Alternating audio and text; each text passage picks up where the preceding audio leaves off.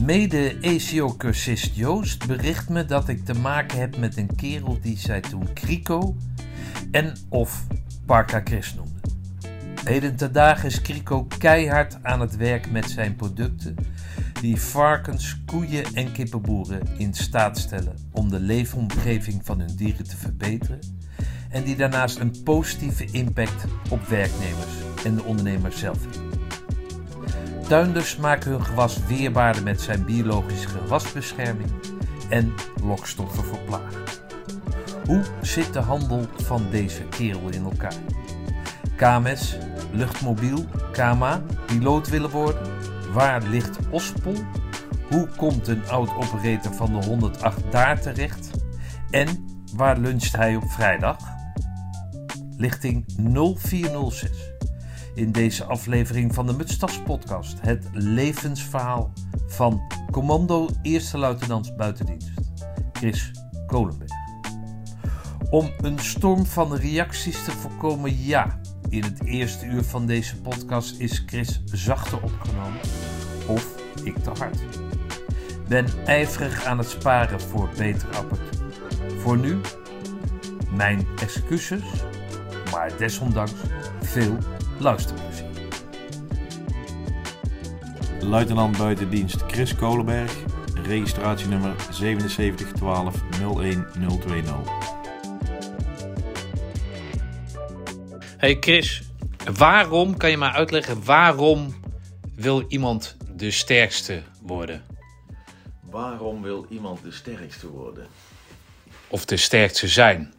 Martijn van der Klis die heeft mij verteld dat jij meedoet aan de sterkste man van Nederland-achtige dingen. Ja, klopt. Ja, ja, toevallig heb ik aanstaande zondag is de finale van... Ja, daar heb, in het sterkste man heb je twee klasses. Min 105, onder de 105 kilo en, en de open klasse. De open klasse zie je ook op de op nationale televisie. En de onder 105, dat is uh, ja, zeg maar een, een, de, de, de lightweights, om het zo maar te zeggen. En daar, zit, daar, uh, daar doe ik aan mee. En dat is, aanstaande zondag is de finale van het Nederlands kampioenschap. En daar doe ik dan aan mee. Um, ja, ik heb dat op de een of andere manier altijd fascinerend gevonden. Want ik, ik weet nog, als kleine jongen keek ik naar uh, Ted van der Parre toen de tijd. En had je allemaal van die... Uh, Zo'n tros-programma was dat Ja, toch? precies. De sterkste man van de wereld. En dat werd dan gesponsord ja. door de DAF. En, uh, dus was, was best wel groot in Nederland. Uh, en ik vond dat zo prachtig. Ik weet nog dat ik dan, uh, als ik dan had gekeken, dan uh, ging ik naar beneden en ik had zo'n zo'n zo'n zo'n bureaustoel. En dan ging die bureaustoel boven mijn hoofd tillen en zo. Dat vond ik gewoon prachtig mooi. Op de een of andere manier. En, en mijn vader is ook wel altijd iemand geweest die van nature best wel sterk is geweest. En ja, het heeft mij gewoon. ja, ik vond het altijd wel fascinerend. En op een gegeven moment, toen ik eigenlijk uit dienst ben gegaan tijdens diensttijd heb ik dat ook altijd leuk gevonden. Want dan had je bijvoorbeeld uh, op uitzending uh, de sterkste man van, uh, van het kamp van die uitzending had je dan in, in Bosnië. Dat vond ik prachtig mooi om aan mee te doen. bij het KST heb je sterkste man van het KCT natuurlijk. Dat vond ik ook altijd heel leuk. Um, ja, en, en toen ik uit dienst ben gegaan, ben ik me daar meer op gaan focussen eigenlijk. ook in Kenia heb ik dat een tijd lang ja, daar uh, aan, aan Maar is dat, zie je dat als een sport of zie je dat toch op een, een of andere manier als nou ja, de sterkste man zijn? Willen nee, zijn? Ik, zie, ik zie het meer als een, een, een hobby.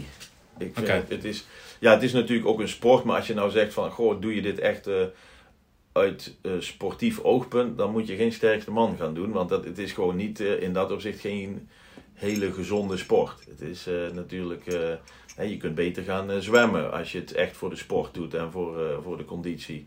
Dan kun je beter een andere sport doen. Nee, maar het gaat mij meer om dat gevoel naar anderen. Dat andere mensen, dat andere mensen, kijk, dat is een hele sterke, dat is de sterkste man van Nederland. Min 102. dus het is een beetje de mietjesklasse, ja, maar een beetje dan. Lightweights, maar uh, nee, de, um, dat is niet per se, nee, dat nee? Niet, okay. niet zozeer dat ik daar nou. Um, want ik moet ook eerlijk zeggen, ik zit ook in die. Uh, ik, ik heb ook niet die behoefte om die klasse omhoog te gaan. Dus om hoger in het gewicht te gaan. Dus ik, ja, dus maar dat, dat is een beetje hetzelfde als met judo, toch? Dat je dan je moet aan gaan komen en, en dan ja, blijf je, zit je aan de onderkant qua precies. gewicht van die zwaardere klasse. Precies, ja. En dan kom je tegen beulen van, weet ik, 160 kilo. Ja. Dan zal jij natuurlijk wendbaarder zijn en weet ik wat. Maar je Ja, moet je natuurlijk tegen dat, die hele massa moet je tegenaan Ja, dan kunnen. moet je wel, je- ik denk wel dat je richting de 120 of zo wil je een beetje serieus meedoen, eh, moet je wel naartoe. En eh, Maar ben jij dan ook sterkste man van het korps geweest? ja, ben ik ook een keer geweest. Oké. Ja. Want eh, bij- ons in het peloton heb ik ook geïnterviewd Ron van der Put. Die is dat ook geweest. Ja. En daar was een onderdeel telefoonboek scheuren. Was dat bij jullie ook nog Nee, niet? nee, dat was er niet bij ons. Oké. Oké. Ja, dat was natuurlijk- Was dat ook gelukt? Of, eh? Ja, nee, het was gelukt. Ja? Ja, en oh, ja, het was niet dan zeg maar de, de, de telefoonboek van Amsterdam. Dus Ja. het zal het telefoonboek van Roosendaal zijn geweest. Ja. Maar het was dus kennelijk het knikken. Ja, hè, dat, knikken, het ja, zat hem vooral in de, in de techniek. ja, Dus ja. niet zozeer gewoon oh, op de, op de, hoe heet dat, op de harde kant dat ding door midden schudden. Het was Nee, een je, moet dat techniek. je moet een beetje, ja, inderdaad, het is een beetje een combinatie. Ja, wel grappig. hè? Hey, maar dat het dus de beste zijn, dat, dat, dat heb je dus dan niet in je. Je ziet het niet als sport, maar meer als een hobby. Ja, Waar is die, die, die, die, die fascinatie voor de defensie begonnen dan? dat is ja, al heel vroeg, want mijn moeder zei dat ik al als, als kleine jongen, dan timmerde ik al een stuk PVC-pijp eh, op een stuk hout en dan liep ik door de tuin eh, te schieten. Ja, waar dat vandaan komt, ik heb geen flauw idee, want mijn vader heeft niet in dienst gezeten. Mijn moeder die is, eh, ja, ik kan wel zeggen, anti, anti-dienst geweest. Altijd niet anti-leger, maar wel ertegen dat ik, die heeft het nooit fijn gevonden dat ik eh, bij Defensie ben gegaan. Ehm, ook nooit tegengehouden hoor, maar gewoon, ja, hè, dus daar heb ik zeker die fascinatie niet van. Ehm, in mijn tijd is wel natuurlijk geweest dat je toen de tijd eh, Tour of Duty was toen, hè, je, je had maar weinig eh, zenders. Televisieserie toen, hele populaire eh, televisieserie. Super populair, Tour of Duty, het E-team. Ziek. Was Ja. er toen op. Ja, precies, ziek.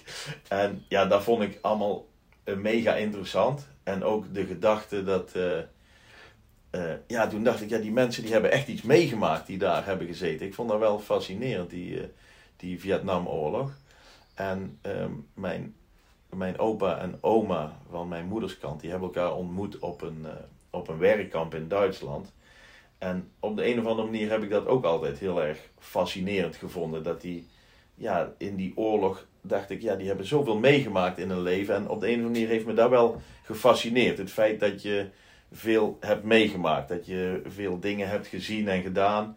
En ehm, ja, ik denk dat daar een beetje die fascinatie vandaan is gekomen. Is dat avontuur dus? Ja, op denk, zoek naar ja, avontuur. Ik denk wel, toch wel onbewust op zoek naar avontuur. Niet zozeer dat ik eh, iemand ben dat ik denk, goh, ik wil eh, het avontuur ingaan. Maar ik denk meer onbewust. Hè. Je denkt van ja, er is nog zoveel meer te zien dan, eh, dan dit.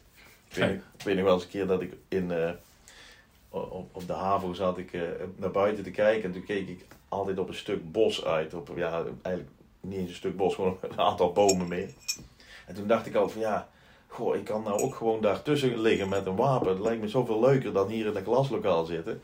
Ja, het is natuurlijk heel onnozele gedachte. Want ja, als je er uiteindelijk ligt met een wapen en het regent, dan zo heel leuk is het niet altijd. Maar het is gewoon ja, die Ja, drang naar, naar buiten, naar eh, ja, toch wel een beetje het avontuur. Dat heeft me toch wel altijd getrokken. Hey, even een stap vooruit, hè? maar jij hebt dus een aardig stel hersens. Ja, ik denk Toch? wel. Ja, ik denk Ja, wel. Ja. Wij, jij komt mij ophalen, de, de, de Weert is, eh, is onbereikbaar, nou ja, tussen haakjes, vanwege de jaarlijkse kermis. Gigantische kermis, echt, echt, echt mooi. Ja. En eh, op een of andere manier eh, doet eh, Google niet wat hij zou moeten doen, de goede weg wijzen. En wij komen langs de KMS, waar je op hebt gezeten. Is nu geen KMS meer, maar terwijl er wel hè, een militaire school op staat, is ook nog een kazerne volgens mij, of volgens ons dan. Ehm, als je toch zo'n goed stel hersens hebt, dan ga je, waarom ga je naar de KMS? Nou, ik, ik- En helemaal niks te naden, dames en heren, niks te naden van degene die de KMS bezocht hebben natuurlijk. Maar Nee, ik, ik, sterker nog, ik ben eerst opgekomen als, als soldaat. Dus ehm, toen ik de HAVO af... welke lichting eh, was je? 95. Oké. Dus ik, ik kwam in 95 kwam ik van de HAVO af. En toen, eh, ja, eigenlijk al mijn klasgenootjes die gingen naar het HBO toe of die gingen VWO doen. Ehm, en ik eh, had besloten om in dienst te gaan. Was dat niet dienstplicht nog? Niet? Nee, nee Ja, dat was net, ik heb wel nog een brief gehad toen de tijd. Maar ja, dat was, al niet, dat was net een overgang. Eigenlijk was ik een van de eerste toen ik als BBT'er noemde ze dat toen de tijd, beroepsbepaalde tijd. Toen ik daar opkwam in Oorschot, ja, was ik eigenlijk een van de eerste lichtingen die beroeps werden volgens het BBT-contract. En je had daar ook, ik denk dat ik ja, in onze hele compagnie denk ik dat ik samen met twee anderen was die uit de burgermaatschappij kwamen. En de rest waren allemaal ex-dienstplichtigen of Ja, die zich tot beroeps wilden laten omvormen eigenlijk. En dan moest je die AMO, die, die, die militaire opleiding, weer opnieuw doen. Toen de tijd in ieder geval. Dus eh, ja, dat was een van de eerste. ja, ja, dat was echt in die tijd dat die, dat die echt die omslag kwam dienstplicht. Ja. Dus je hebt niet kunnen ruiken. Je hebt niet- een soort stage gelopen binnen jouw dienstplicht. Je hebt echt gekozen voor het, voor het Ja, defensievak, ja, zeg maar. Ja, ja, ja, ik ben echt. eh, En dat is allemaal gebaseerd op dat eerder genoemde avontuur waar je op zoek naar was. Ja, ja, ja precies. Ik had ook eh, totaal geen behoefte om verder te gaan studeren. Als, ik niet, als ik niet goedgekeurd was, dan was ik inderdaad wel waarschijnlijk eh, iets verder gaan studeren. Had ik waarschijnlijk naar de HBO of, of VWO verder gaan doen. Maar Oké. nee, En je ouders hebben er geen bezwaar tegen. En jij omarmt het. ja, ja, precies. Nou, mijn, ouders, mijn moeder was er totaal niet blij mee. Maar ja, die, die heeft me wel altijd in, in mijn waarde gelaten en altijd laten doen eh, wat ik wilde doen. En eh, ja, dat was toen de tijd in het leger gaan. Dus, eh, Oké. Deed ze dat buiten? Heb je nog meer broers en zus of zo? Ja, ik heb nog één broer. Ja. Ja, nou, En die, eh, die werd ook zo vrijgelaten in zijn keuze voor wat hij ook ja, ga- is ja, geworden. precies. Ja, ja, Dus ja. daar is gewoon een warm gezin. ja zeker. Ja. wel een warm gezin? Ja, zeker wel. Ja, ik, vond- ik heb het altijd heel fijn gehad eh, vroeger thuis. En eh je kunt wel zeggen dat je altijd, ja, we hebben altijd heel goed gehad eh, in de zin van ja, nooit, Materieel. iets, nooit iets tekort gekomen, Ja, inderdaad. Ja, dit is niet. Eh, bij ons was het natuurlijk ook niet eh de sky the limit, maar eh, op zich. Maar niet verwend, bedoel je dat? Ja, precies. Wij zijn ook nooit verwend of zo, maar wel gewoon, ja, we hebben het altijd heel goed gehad. Eh, Oké, waar speelde zich dat allemaal af? Dat niet verwend zijn? In zomeren. Oh ja, in zomeren natuurlijk. Ja, Ja, ja, in in zomeren zomer. zijn wij, ben ik Ja, opgegroeid. jij vertelde dus hè, dat ik dacht dat je Limburger was. Ik verdacht hiervan dat je Limburger Nee. was. Maar de Nee. grens van Limburg en Brabant, Noord-Brabant is dat, Ja, is dus eh zomeren. Ja, dus jij precies, ja. rekent jezelf tot... tot ik ben nog Niet. Limburger. Ja. We zitten nu wel in Limburg. we zitten, ja, het voelt heel anders inderdaad. Ja, Allemaal vliegen hier. Com- Compleet, compleet andere sfeer. Ja, eh, ja. oké. Wat is je broer trouwens gaan doen dan? Mijn broer is uiteindelijk eh, leraar geworden. Ah, Eh, oké. ja, Oké. die, die is eh, leraar biologie geworden. En die werkt ook nou bij mij in het Ja, bedrijf. Daar Dus, komen we eh, later op. Maar ja, ja, ja, oh, wel precies. grappig dan. Ja, ja. oh, wat leuk. Ja. wel- Ah, jij hebt een hele mooie foto. Dat is je broer dus. Ja. Als jullie met als twee kleine kereltjes in zo'n streepjes eh, ding. Oh ja, ja, ja, precies. ja, dat is echt mooi inderdaad. Ja, inderdaad. Ja. Ja, oké. Bev- bevalt dat dan, dat leger? Want dat, het is niet van dat je na twee maanden kan zeggen... nou, het is toch niks voor mij, ik ga, weet ik veel wat. Ja, toch deden heel veel eh, dat wel toen in die... eh, Oh ja? Ja, ja, wa- wa- er waren... Oh, daar kreeg je een premie voor dan of zo, hè? Ja, precies. Ja, ja, dat klopt. Ja, dat was toen als je dan je contract uitdiende, kreeg je een premie. En dat was best wel... eh, Ja, maar ook als je hem niet uitdiende, maar een aantal maanden bleef... dan kreeg je ook nog geld. Oh, dat weet ik Dat dacht ik, daar heb ik ooit eens gehoord. Oh, oké, dat weet ik Nou ja, goed, maakt verder niet uit. Maar jij, jij Ja, ik, ik vond het... eh, Ja, ik, ik ging het leger in en ik ging ook het leger in met de gedachte van... Nou word je afgemat, zeg maar. En dat was ook best wel. Tenminste, sowieso als je als 17-jarige... Je komt uit een eh, boerendorp eigenlijk van, van de HAVO. Ja, en je wordt dan in één keer daar tussen gegooid als 17-jarige. Ja, dan is dat ook... Dan, voor je gevoel is dat ook een... eh, hè, ik, ik had het toen eh, zwaarder dan in de ECO bijna. Eh, gevoelsmatig, hè. Omdat je... Hè, je bent nog veel jonger, je hebt nog veel minder gezien. Kijk, en, en later als je 4, 25 bent of zo, dan is, Hm. kijk je natuurlijk anders tegen die zaken aan. Maar ehm, ja, ik heb, ik heb daar een hele leuke tijd gehad. Ik vond dat heel mooi. Alles wat ik ervan dacht van het leger, dat was ook eigenlijk hè, zo in de praktijk. En, en daardoor heb ik, toen heb ik de AMO gedaan. Toen was ik afgekeurd voor eh, infanterie. Ik wilde eigenlijk naar de infanterie. Maar ik was niet, niet eh, sterk genoeg, eh, grappig genoeg. Was, ik, ik was niet sterk genoeg om... Laten we gewoon zaterdag even afwachten. Of dat niet steeds. Ja, hè, je niet? Ja, In positieve en negatieve zin. Ja, Ja. ja oké. maar dus ik, ik was...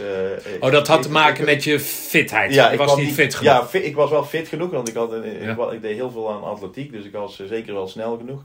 Maar op kracht, je moest dan ook een test doen op kracht. En daar kwam ik tekort. En dan, je moest dan voor, ik geloof voor infanterie, moest je een noemden ze toen altijd een 4 hebben. En dan voor luchtmobiel een 5. En dan voor KCT een 5 plus. Zo hadden ze dat verdeeld. Dat is dat optrekken. op- Ja, dat was toen was dat in, gewoon dat een, eh, dan moest je duwen tegen een stang die niet eh, bewoog. En je moest, eh, ja, dat, je moet, zeg maar statische kracht was dat allemaal. Ah. En daar was bij mij eh, niet genoeg. Dus ik, had net, ik kon net geen infanterist worden. Ik kon eh, wel ondersteunende taken doen. En dat was toen, mij leek toen het leukste de genie. Dus toen was ik naar de panzergenie gegaan. Ook als, als boordschutter. Ja, dan heb ik ook een hele mooie tijd gehad. Ik vond echt eh 13 panzergenie compie was dat. Een hele leuke, een hele leuke club. Eh, Echt eh, samenhorigheid. eh, Veel op oefening geweest. Dus ja, toen vond ik wel van ja, dit is echt iets voor mij. En toen hoorde ik ook al een paar keer ja, mensen zeggen van is het niks om naar de KMS te gaan. En toen heb ik er dus gesolliciteerd voor de KMS.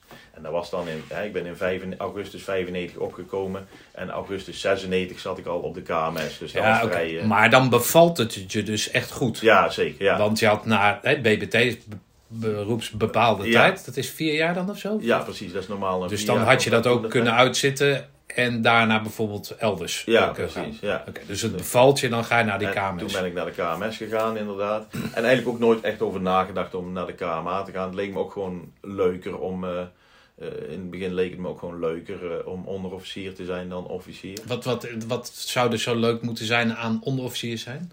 Nou, ik, ik, het, het, het leidinggevende aspect, maar je bent toch nog wel steeds meer op de, meer op de werkvloer. Hè? Dus je doet in dat opzicht ook wel andere ervaringen op dan eh, iemand die direct naar de KMA gaat. Hè, ik, ik zeg dat met bijvoorbeeld een, een vriend van mij die, die, die is architect en die heeft eerst MBO gedaan, daarna HBO en daarna universiteit. Ja, zijn allemaal, hè, en zo zie ik dat bij, mensen, bij mezelf ook een beetje. Ik ben eerst soldaat geweest. Toen ben ik onderofficier geweest en daarna ben ik officier geworden.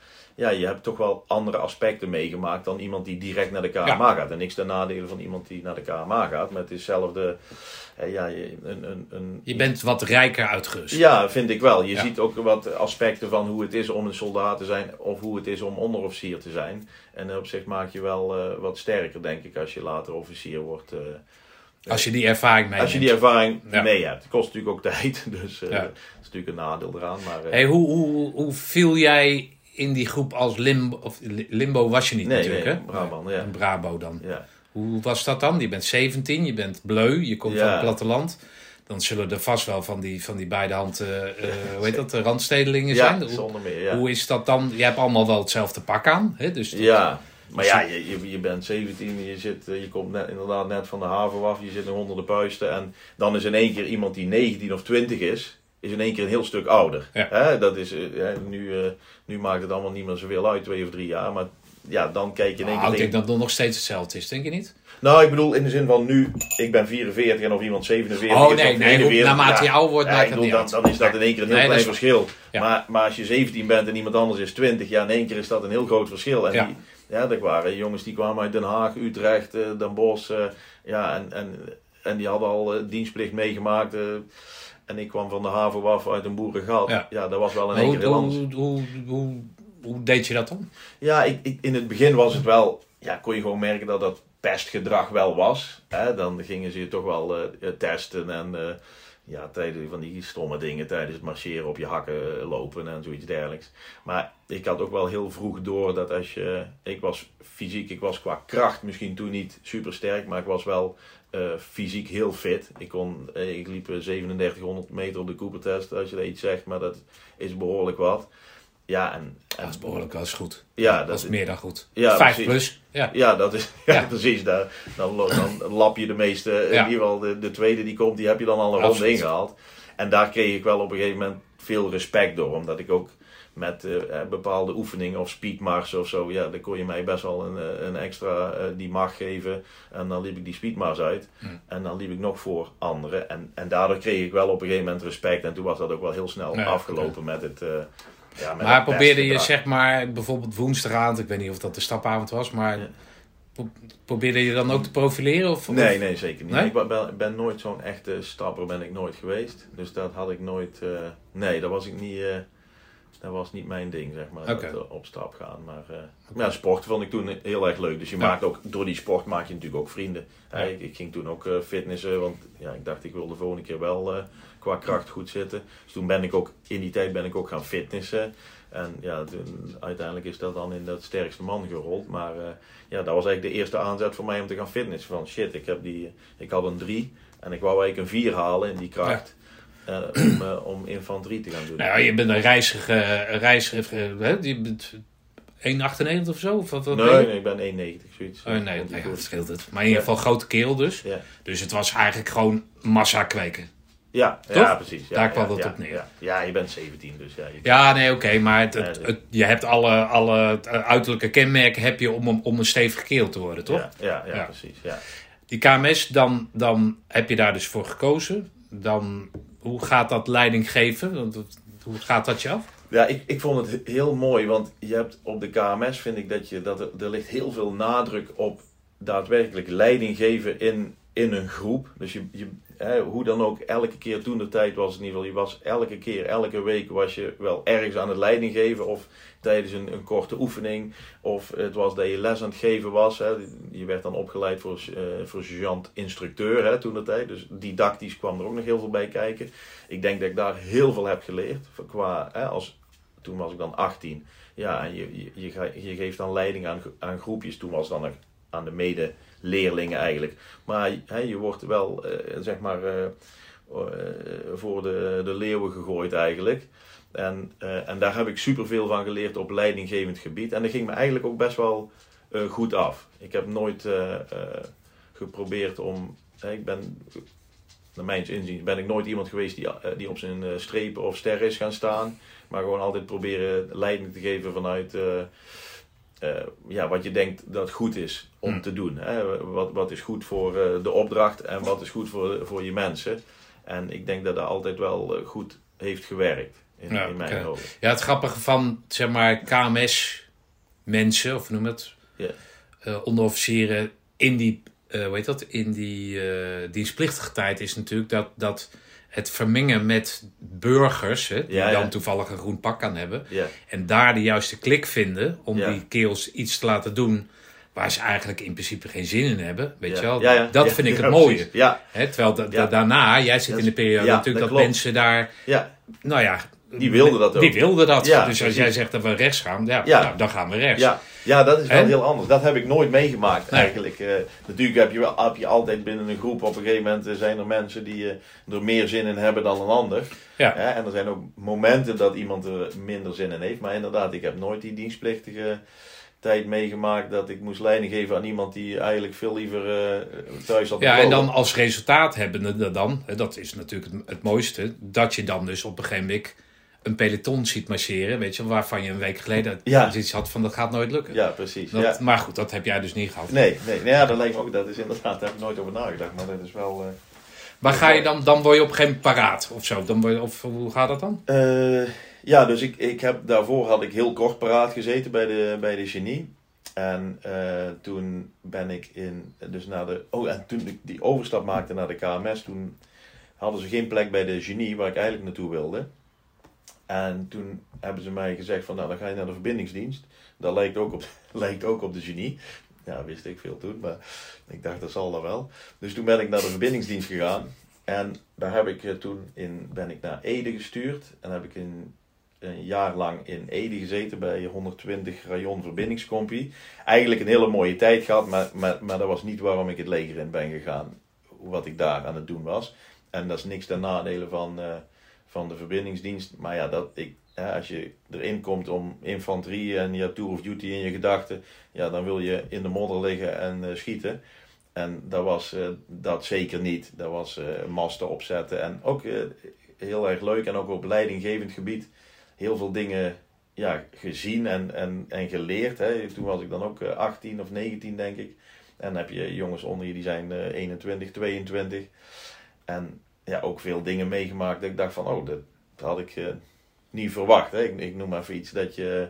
Ik mocht op een gegeven moment iemand bevorderen tot eh, corporaal. En toen had ik iemand uitgekozen.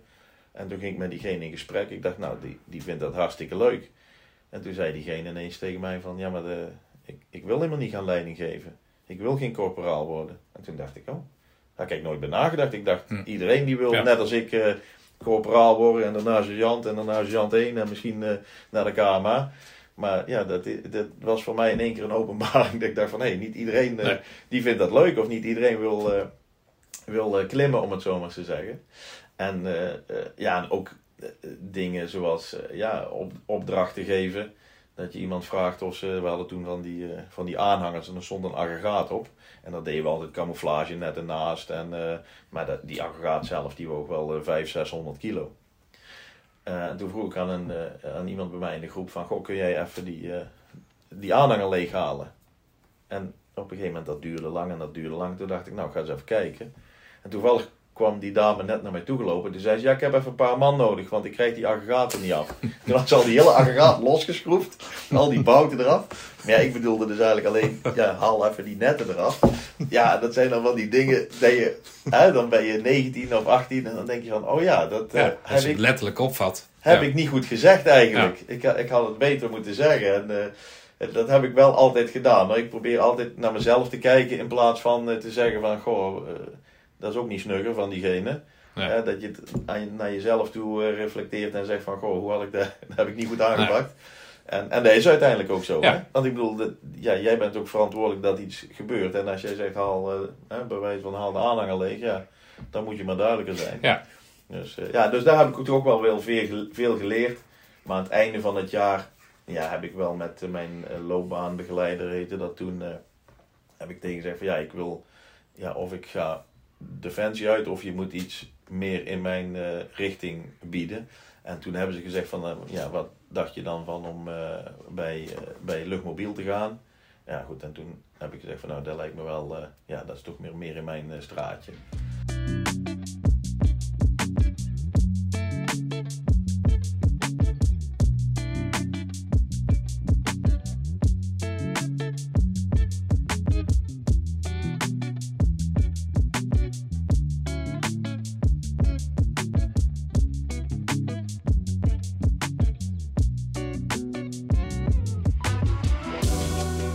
Dat was net, was net luchtmobiel net opge Ja, nou of- net niet, want ik denk dat luchtmobiel natuurlijk ook al zeg, wel bestond toen ik het dienst inging. Dus dat was toch al wel een tijdje, maar eh, ja, dat was nog niet zo lang inderdaad. Ik, ik moet even nadenken, wanneer ben ik dan bij luchtmobiel gegaan?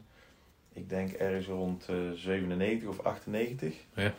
En eh, ja, zoiets is daar geweest, dat ik eh, mijn beret heb gehaald daar. En dat vond ik weer, ja, vond ik ook een hele mooie opleiding trouwens. Je ziet ook wel dat bij... eh, eh, als je kijkt bij het KST komt echt een mengelmoes van mensen. De ene is universitair opgeleid, de andere komt uit eh, van, de, van de boerenleven. En allemaal verschillende gading heb je bij het KCT vaak. En dan vond ik bij luchtmobiel, als ik de achteraf bekijk, was veel meer eenheidsworst eigenlijk. veel meer dezelfde type jongens die je, die je binnen zag komen. En, Maar, vooruitlopend op, maar kwam dat door de manier waarop ze dat promoten? Ja, misschien waarop wel. ze het in de markt hebben gezet? misschien wel, dat denk ik wel. Een beetje dat Tour of Duty ding, toch? Ja, Zo van, Ja. als dit jouw, ja jouw precies. ding is, dan moet je bij ons in komen. die heli zitten en... eh, Ja. ja. Met je de muziek op, die, Ja. eh, weet je wat, ja, precies. Ja, is, is dat dat, dat, dat ja daarom... misschien wel. Ja, ja, misschien wel. Dat zou best wel eens kunnen, ja. Dat, eh, ja, ik, ik, en ik vond luchtmobiel een hele mooie eenheid hoor. Ik, vond het, eh, ik heb een hele leuke tijd gehad. Ook een uitzending naar Bosnië eh, gehad. Ehm, en eh, ja, aan het einde, toen ik daar een beetje uitgekeken was eigenlijk op luchtmobiel, toen ben ik mezelf op heel veel verschillende dingen gaan oriënteren. Want toen zat ik ook een beetje in die tijd van, gewoon wil ik nog wel... ik wist eigenlijk wel dat ik bij Defensie wilde blijven. Maar ja, wat ik nou precies wilde gaan doen, dat was me nog niet duidelijk. Toen. Maar sorry dat ik je onderbreek, Ja. maar jij zegt dat eh, die acceptatie hè, in eerste instantie op 17-jarige leeftijd binnen, hè, daar heb je voor moeten vechten. Ja, ja. Hè, dus daar heb je die val moeten draven, dat Ja, die macht moeten overnemen. Hè, de respect afdwingen. Bij het behalen van die rode beret merk je dan dat je in zekerheid voor je, hè, je eigen, dat je daarin gegroeid bent. Ja, ik, toen, ja, precies. Toen was ik ook alweer een, een eh, ik denk, ja, ik denk 20 of 21. Toen was ik alweer. Hè, je, bent Je was als sergeant natuurlijk. Precies, je Ja. was als sergeant, je bent fysiek, was ik weer een stuk eh, sterker geworden. En dan, eh, ja, ook qua, heb je ook dat vertrouwen veel meer. Hè? Je zit al een tijd in, in dienst, dus je bent zeker niet meer het groentje. Ehm, ja, dus je weet een beetje de klappen van de zweep. eh, eh, en ja, op dat moment ging dat veel soepeler eigenlijk toen. Eh, Maar heb je daar diep gezeten dan in die opleiding? nee, niet echt. Nee? Nee. Ik moet zeggen, ik vond, eh, ik denk dat... dat Niks ten nadele van die opleiding. Nee, precies, dat- want dat vind ik altijd eh, niet. Maar ja, kijk, als je gewoon fysiek echt sterk bent in de opleiding voor je rode beret, ja, dan heb je altijd momenten dat je moe bent, maar niet dat je, dat je, niet, hè, dat je, dat je, dat je echt helemaal er doorheen zit. Hm. En ik denk bij de ACO heb ik dat, hè, daar komen we later vast nog op terug, maar ja, daar heb je dat wel. Daar heb je wel momenten dat je, ook al ben je fysiek ontzettend goed, ja, dat je er toch doorheen zit. En eh, hè, dat je toch je momenten hebt dat je denkt van, oké, wat, wat doe ik hier ook alweer? Eh, Ja. En, eh, dat, Maar even dan, dan dat vergelijk maken met of een, een, een lijn trekken naar die eenheidsworst waar jij het dan over hebt. Komt dat dan bijvoorbeeld omdat ze met ze in die grote sticks uit die vliegtuigen, dat dat, dat, dat, dat dan allemaal. Ja, ik probeer een beetje een brug te Ja, van een verbinding. Waarom vind jij dat dan? ik, Je ik- gaat met z'n allen het vliegtuig in, je gaat met z'n allen eruit, dan kom je op de grond en daar ga je operatie eh, met z'n allen. Het gaat vooral het, het, het verplaatsen van heel grote groepen mensen middels de lucht of middels vliegtuig door de lucht. En daar dan, dat maakt dat iedereen het zelf, weet, zou dat moeten zijn ja, of zo? het, het, het- dat zou goed kunnen. Het is natuurlijk misschien ook wel een beetje, is het gewoon eh, een, een wiskundig iets, want bij de ACO, toen ik daar startte, ja, toen startten we met 153 man. En dat was toen de tijd was dat eh, jongens uit Defensie en jongens uit de burger, die kwamen allemaal samen. En toen begon je dan eigenlijk een AMO te draaien eh, voordat je de ACO begon. Ja, en dan begon je met 150 man. En uiteindelijk zijn wij geloof ik met 8 man over de streep gelopen. eh, en de groene beret gehaald. Dus ja, dan heb Ja, je natuurlijk... nee. Kijk, als je die 150 bekijkt, had je misschien gezegd van... Ja, dat is toch wel best wel een eenheidsworst. Omdat Ja, nee, dan krijg je veel precies. meer gemiddeld. Dus misschien is mijn beeld ook helemaal niet correct. En ja, natuurlijk haalt, halen meer mensen de rode beret dan... Uit, hè, procentueel gezien dan de groene beret. Dus misschien is dat ook wel een beetje... eh, hoe zeg ik dat, dat? Dat mijn beeld een beetje eh, ver, vertroebelt eigenlijk. En dat het eigenlijk niet zo, niet zo Hm. waar is. Maar eh, Dus jij zit er, nou, jij bent nou, nog steeds fit. Je bent in Ja. zelfvertrouwen ben je gegroeid. Je hebt al Ja. vier, vijf jaar, weet ik veel, eh, zit je in de, in, de- in, in, in, binnen het bedrijf. ja. Dus je kent, kent de klap van het zweep. Je laat je niet meer zo opnaaien als het toen je 17 was. Ja. Uiteraard. Ja. En wat ga jij dan binnen dit eh, luchtmobiel doen? Wat is, jouw, wat is jouw taak? Toen werd ik ook als eh, verbindelaar daar... eh, dus toen daar kom je nooit meer van los. Dus daar, eh, daar had ik het idee, daar kom ik nooit meer van los inderdaad. Als verbi- verbindelaar aan de slag. Eh, toen op een gegeven moment heb ik nog een tijdje instructie gedaan. Ehm, en ben ik op, uiteindelijk ook op uitzending geweest met eh 13e Infanteriebataljon. En ehm, ja, daar, vond ik, daar vond, was ook een hele mooie uitzending overigens. Daar heb je ook weer, eh, ja, dan doe je toch je eerste uitzendervaring op. En dat was S voor 7 toen de tijd. en ja, dat was een stabilization force. Dus dat zegt het al. Dus er was al min of meer eh, vrede toen de tijd. Dat was in 99. Dus er was al min of meer vrede in, eh, in Bosnië. En eh, ja, het was onze taak om daar die vrede te behouden en te ontwapenen. En te zorgen dat mensen die weer terugkwamen vanuit bepaalde gebieden waar ze heen waren gevlucht naar hun eigen huis terugkwamen. En ja, daar waren natuurlijk een hoop mensen die hebben veel. Mijnen zijn er natuurlijk veel aangebracht toen de tijd. Dus je had wel, in dat opzicht was er wel eh, eh, ja, van alles te doen. Maar het is, was, het is wel relatief een rustige uitzending. Hm. En in dat Maar het blijft een uitzending. Maar het blijft een En het blijft je eerst. en het blijft je eerst, dus het is een hele, ja, het was voor mij een hele mooie eerste ervaring om te zien hoe is een uitzending.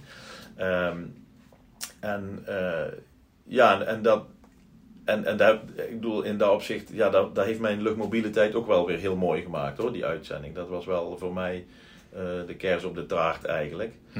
Ehm, maar uiteindelijk, ja, wilde ik toch iets anders gaan doen, want ik wist van, ja, ik wil of iets van infanterie gaan doen of iets compleet anders. Niet die verbindingsdienst, daar wilde ik eigenlijk eh, uit. Ehm, alhoewel, ja, gewoon ik wil nooit. Zo lastig, je wil natuurlijk niet iemand. eh, hè, ik, ik, het was een leuk dienstvak, maar het was gewoon niet mijn ding. Dat merkte ik gewoon. Van, de verbindingsdienst is toch niet eh, eh, waar ik voor in dienst ben gekomen. En toen heb ik mezelf laten keuren voor, voor navigator bij de marine. Dan ga je in een, in een vliegtuig als, ga je kijken welke route je moet begaan. Ik heb mezelf laten keuren. Nee, ik, ik, ben, ik kon naar Italië toe om daar als attaché te gaan zitten. Eh, op de ambassade. Ehm, ik had een optie om eh, mijn HBO informatietechnologie te halen en dan als kapitein eh, terug te komen bij Defensie. En, ehm, eh, ik had, en ik had mezelf laten keuren voor piloot bij de luchtmacht. En uiteindelijk ben ik daar ook voor goedgekeurd. Dus ik had heel veel. Heel veel eh, Ben je daar goed? ben- Je bent toch hartstikke lang? Ze moeten toch allemaal... Of maakt dat geen Nou, dat, dat maakt wel uit inderdaad. Want ik, heb, Ja. ik, ik weet nog die eerste dag, dat was wel interessant. Die eerste keuring, dat is echt een slagveld. Dan eh, zit je, eh, ik denk wel met, eh, met 25 man of zo in een, in een zaaltje. En een heleboel van die jongens, die zijn vaak jonger dan ik was op dat moment. En, en die zaten niet in dienst, maar die hebben dan allemaal boekjes van vliegtuigen bij. En die hebben het de hele dag over vliegtuigen. En ik was eigenlijk een van de weinigen die ja, eigenlijk geen fluit wist van vliegtuigen. En, maar ja, naarmate de dag voordat merk je wel van ja, je, je bent de enige die, op een gegeven moment was ik de enige die over was gebleven. Toen dacht je van, oh ja, er zit toch wel, eh, op de een of andere manier eh, kan ik wel iets eh, wat daar nuttig voor is voor het vliegen. En toen kwam dus die meting. En toen zei die man, die zei, maar ja, dit is eigenlijk gewoon een formaliteit. En die meten dan je bovenbenen. En ja, daar was ik toen op afgekeurd. Toen zei ze, ja, je bovenbenen zijn te lang. Dus eh, je bent afgekeurd. Dus dan heb, ik die, heb je die hele dag. Die bovenbenen heeft dan te maken met Ja, dat met je zit. Ja, oh zo. Ja, oké. En eh, Ja, tuurlijk. Dus, dus Ja. toen moest ik naar huis. En toen heb ik in een opwelling een brief geschreven. En daar heb ik ingezet, wat ook niet eens waar was. Van, ja goh, ik heb eens op een open dag in een F-16 gezeten. En ik paste er eigenlijk hartstikke goed in. Ik wil eigenlijk herkeurd worden op dat punt. En toen tot mijn verbazing kreeg ik een eh, brief van, nou kom nog maar een keer dan. En toen werd ik nog Dus jij werkt aan je bovenbenen. Doe ja, je kon natuurlijk niks doen. En toen eh, zat ik bij die man en ja, die, die zei, oh ja, dit is een herkeuring. Ik zei ja. Hij zei, nou ja, ja, ja. Hij zegt, ze zijn eigenlijk een beetje te lang, maar oh ja, goed. eh, Hij zegt bij deze dan. En, en toen was het afgevinkt en toen kon ik weer verder met de keuring. Ja, dat vind ik achteraf altijd van die interessante dingen. Hoe je met een hele kleine handeling ooit heel je leven Ja. een, een bepaalde wending kan nemen. Hè? ja, zeker als een 25 en jij bent de enige ja, die dan overblijft op die dag. ja, op de, Dan ja, zou je toch eerste- zeggen van nou hoe gaan we... Hè? Ja, precies. Laten zou- we onszelf kosten en moeite besparen. Laten we deze nou even die 2 centimeter door de, door ja, de vingers zien. precies. Maar blijkbaar niet. Oké. En eh, ja, toen uiteindelijk, eh, eh, ja, dan kreeg je daarna nog meer keuringen natuurlijk. En dat verliepen allemaal, allemaal goed. En, en toen kon ik dus gaan vliegen. En toen heb ik dus uiteindelijk gekozen ook om, om dat te gaan doen. Toen ben ik in de, dan start je, moet je eerst de KMA doen. Eh, dus ik heb een luchtmacht KMA gedaan. Eh, Van vier jaar. Nee, eh, Oh. was toen verkorte KMA. Dat was, ik denk, oeh, ik weet al niet eens, anderhalf jaar of zo. Maar door jouw defensieverleden. Ja, precies. Omdat Ja, je defensie verleden had, kon je dan verkort. En dan, maar dan werd je ook BBT officier. Dus je had beroeps onbepaalde tijd officieren, die moesten vier jaar KMA. En dan had je beroeps bepaalde tijd officieren en die moesten eh, anderhalf of zo was dat toen de tijd. Oké. En hoe lang, als je dan na anderhalf jaar klaar was en je zou zijn gaan vliegen, hoe lang moet je dan piloot blijven dan? Want dan Ik, volgens mij had je vijf, vijf of zes jaar dat je, Ja? dat je moest vliegen, geloof ik. Ja. Oké, dat is wel een flinke investering voor vijf, zes jaar dan. Ja, ja. Dus, maar ja, de me, volgens mij de meeste vliegers die blijven wel langer eh, aan. Zeg maar de jongens die bij mij in de vliegeropleiding hebben gezeten. Ja, de meeste die hebben echt wel twee contracten uitgediend. Ja, ja, of iets oké. dergelijks. Dus, eh, dus ja. En dat was ook, ik vond eh, de KMA was ook wel weer interessant. En je hebt dan een, een hele andere rugzak dan die andere jongens die op de KMA zitten. Omdat je dus al, eh, eh, je hebt bij Luchtmobiel gezeten. Je hebt daarvoor eh, al de eh, ervaring bij de landmacht opgedaan. En dat is wel mooi om dan dat verschil tussen de landmacht en de luchtmacht te zien. Eh, hè, je, je bent gewoon, ja, je weet gewoon, als je eenmaal in de bossen bent, dan ben je in principe hè, verhoudingsgewijs heer en meester, omdat je gewoon heel veel ervaring daarin Ja. hebt. Dus dat was eigenlijk voor mij een vrij makkelijke periode, om het zo maar eens te zeggen. Vooral die, die, die velddagen natuurlijk. En ehm, ja, qua leiding geven, wat ik in het begin ook zei, als ik dan vergelijk met de KMS, ja, vond ik dat je KMS veel meer. Kijk, de KMS is wat meer gericht om eh, als helikopterview en, uh, en strategie. En eigenlijk leiden die op uh, tot iemand uh, die generaal wil worden, zeg ik altijd. Ja. Maar het daadwerkelijke leiding geven aan een groep vind ik veel minder de nadruk op liggen. Tenminste, toen ik hem deed vind ik veel minder de nadruk op leggen dan op de KMS. Op de KMS ben je echt bezig met, met leiding geven Ja. en sturing geven. Ja, maar is het niet zo dat een KMA juist goede onderofficieren moet kiezen om, hem, om zichzelf te ontlasten van Ja, ik- misschien wel. Ja, daarom, je- het is ook, ik zeg ook niet dat dat verkeerd is, maar ik zeg alleen van ja, als je het hebt over direct leiding geven, Ja, dan, dan was, vond ik de KMS eh, daar veel eh, meer geschikt voor. En natuurlijk Ja. uiteindelijk, ja, precies wat je zegt, je hoeft ook niet per se een, eh, eh, een, een enorme eh, directe leidinggevende te zijn om, om generaal te worden bijvoorbeeld. Nee. ik noem En daarnaast word je piloot ook dan nog, toch? Ja, je precies. zal vast ja. in een, in een Ja, formatie zitten, of weet ik veel hoe dat heet. dus Maar je hoeft natuurlijk niet echt leiding te geven aan. Nee, en ook op een, op een heel andere manier. Als je uiteindelijk leiding moet gaan geven bij, eh, als piloot, dan is dat op een heel andere manier natuurlijk. Maar waarom, waarom zitten we hier dan en waarom niet op een een of ander vliegveld nu? Nou ja, dus dat, dat komt omdat ik... eh, ja, je merkt tijdens die... Dat vond ik wel mooi. Je merkt tijdens die keuring... Merkte ik van, oh ja, ik ben... Ik, ik, ik heb hier een bepaald talent voor. Want je had dan een bepaalde keuring en dan zei je jongens van... Goh, ik ben eh, tot vraag eh 11 gekomen. Ik ben tot vraag eh, 15 gekomen. En ja, dan merkte ik van, oké, ik had dat boekje al uit. Eh, hè, dus je merkt gewoon, oh, daar ben ik een stuk... eh, hè, ruimtelijk inzicht was daar bijvoorbeeld. Ja, dacht ik, oh, daar ben ik veel sterker in dan die jongens hier. Hm. Dus ik merkte wel van, oh, daar ben ik wel goed in. Maar toen ik in die MVO kwam, in die mi- militaire vliegeropleiding, toen merkte ik ineens van, hé, hey, zo goed als ik in die keuring was, vergeleken met die andere jongens, ja, zit ik nou in één keer met allemaal jongens die de keuring natuurlijk ook hebben gehaald. ja. En in één keer was ik daar zeker niet meer de beste. En, eh, sterker nog, merkte ik van, ik zit een beetje, ja, een beetje in de middenmoot, misschien een beetje onder de middenmoot. En eh, toen we dan gingen vliegen, ik, ik weet niet precies met hoeveel wij zijn begonnen, die militaire vliegeropleiding, ik denk met een man of twaalf of zo. En ik denk dat er uiteindelijk vier of zo hebben gehaald. Ja, toen op een gegeven moment merkte ik van, ja, die jongen waar ik bij op de kamers liep, die was al bezig met landen en eh, met eh, salto's en eh, met schroeven en noem maar op. Ook daadwerkelijk. Hè, ja, dat, Ja, ja, ja, je bent dan daadwerkelijk aan het vliegen inderdaad. En ik, en ik was nog bezig met proberen te landen. En hij deed allemaal al van, die, eh, van die stunts er, ertussendoor. En toen merkte ik van, hé, hey, dit is, ik moet hier echt keihard voor werken om dit eh, te bolwerken. En ja, op een gegeven moment lukte het ook gewoon niet. Ik, ik kreeg bepaalde, je hebt bepaalde stappen die je moet halen. Ja, en op een gegeven moment haalde ik die stappen niet. En dan is het eh, einde van, eh, van het verhaal. En, en daar heb ik wel, ja, dat was voor het eerst eigenlijk in mijn leven dat ik ergens echt heel hard voor heb gewerkt, maar het niet heb gehaald. Dus dat was voor mij toen wel, toen vond ik een enorme domper. Achteraf, als ik terugkijk op mijn defensiecarrière, ben ik er blij mee. Want ik, het, het, het is, ten eerste is het niet prettig als je iets doet waar je heel hard voor moet werken, terwijl de rest het makkelijker afgaat natuurlijk. Dat is één ding. Maar het tweede is dat ik ook merkte, ik, uiteindelijk toen ik naar het KCT ging, voelde ik me daar ook veel meer op mijn plek. Op de grond. Ja. Eh, Hm. dus, eh, eh, dus achteraf vond ik het niet jammer, maar toen op dat moment Ja, natuurlijk. Ja, natuurlijk. Maar je, je, je bent niet eh, eh, iemand geweest die eh poses van Tom Cruise met Top Gun op Ja, nee, helemaal En dat je met een helm opliep of, Nee, of, of wat dan ook. Of zo'n zo'n zo'n nee. zo'n hoe noemen ze, overal met, Nee. met van die stickers. En, nee, dat heb je dus niet gehad. nee, zeker niet. Het was gewoon een carrièrekans die jou geboden Ja, werd. precies. Ik dacht, ja. ja. dat is wel uniek en het lijkt me wel Ja. interessant om te doen. Oh, je hebt er wel aan geroken natuurlijk. Ja, ja, ik heb eraan geroken en was ook wel, ik vond het vliegen op zich ook wel leuk, maar ik merkte ook, je bent uren bezig met een voorbereiding op zo'n vlucht en dan vlieg je uiteindelijk een uur en dan was het, was het dan weer. Ja. En dan merkte ik ook wel, dat is ook niet zozeer mijn ding, om, om zo lang voor te bereiden en dan maar één uur eh, bezig te zijn. En eh, hè, bij Defensie of bij het KST is natuurlijk ook, als je een opdracht hebt, moet je daar ook flink bij mee voorbereiden.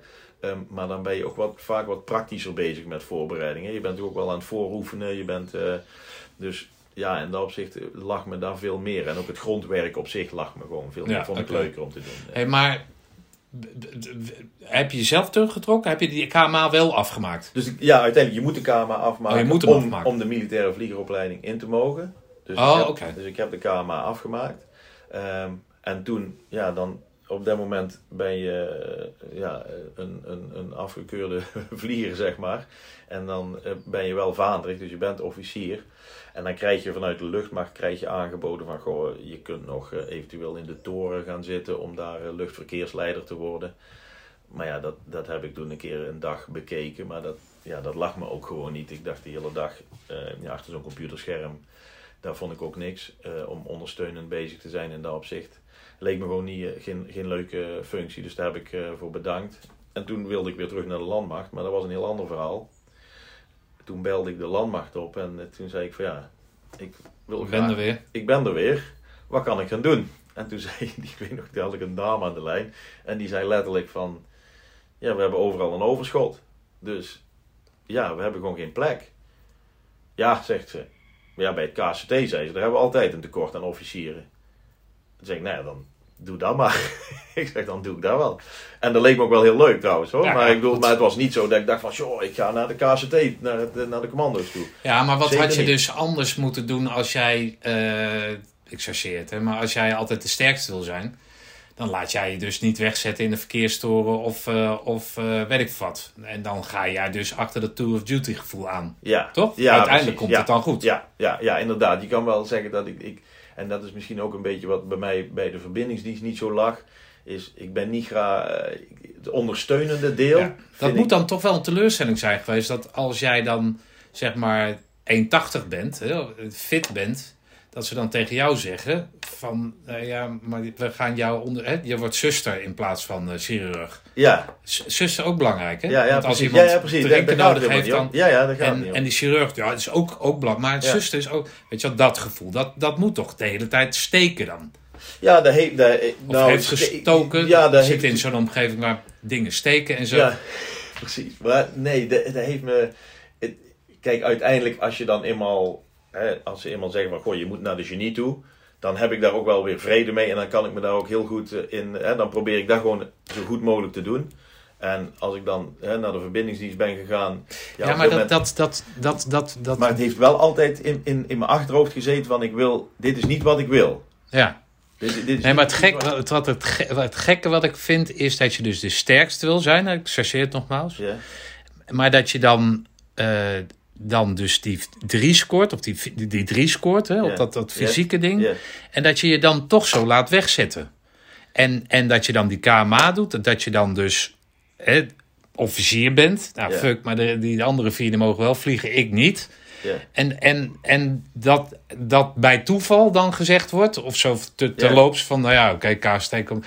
En dat jij daar dan pas wordt aangesteld. Dat je dus niet die bewijsdrang op een of andere manier. Terwijl je wel de sterkste wil zijn, maar dat niet, die, nee, niet zoiets heeft. Godverdomme, ik zal die defensie toch op wie, wie beslist dat hier allemaal? Zal ik eens laten zien dat het. Is dat Nee, daar ik- niet heb- uitgekomen? Nee, ik heb, want ik heb dat, als je dat is grappig als je dat zegt over bewijsdrang, maar ik heb toen ik bijvoorbeeld naar Tour of Duty keek, dan heeft iedereen heeft ook zijn, zijn favoriet. Hè?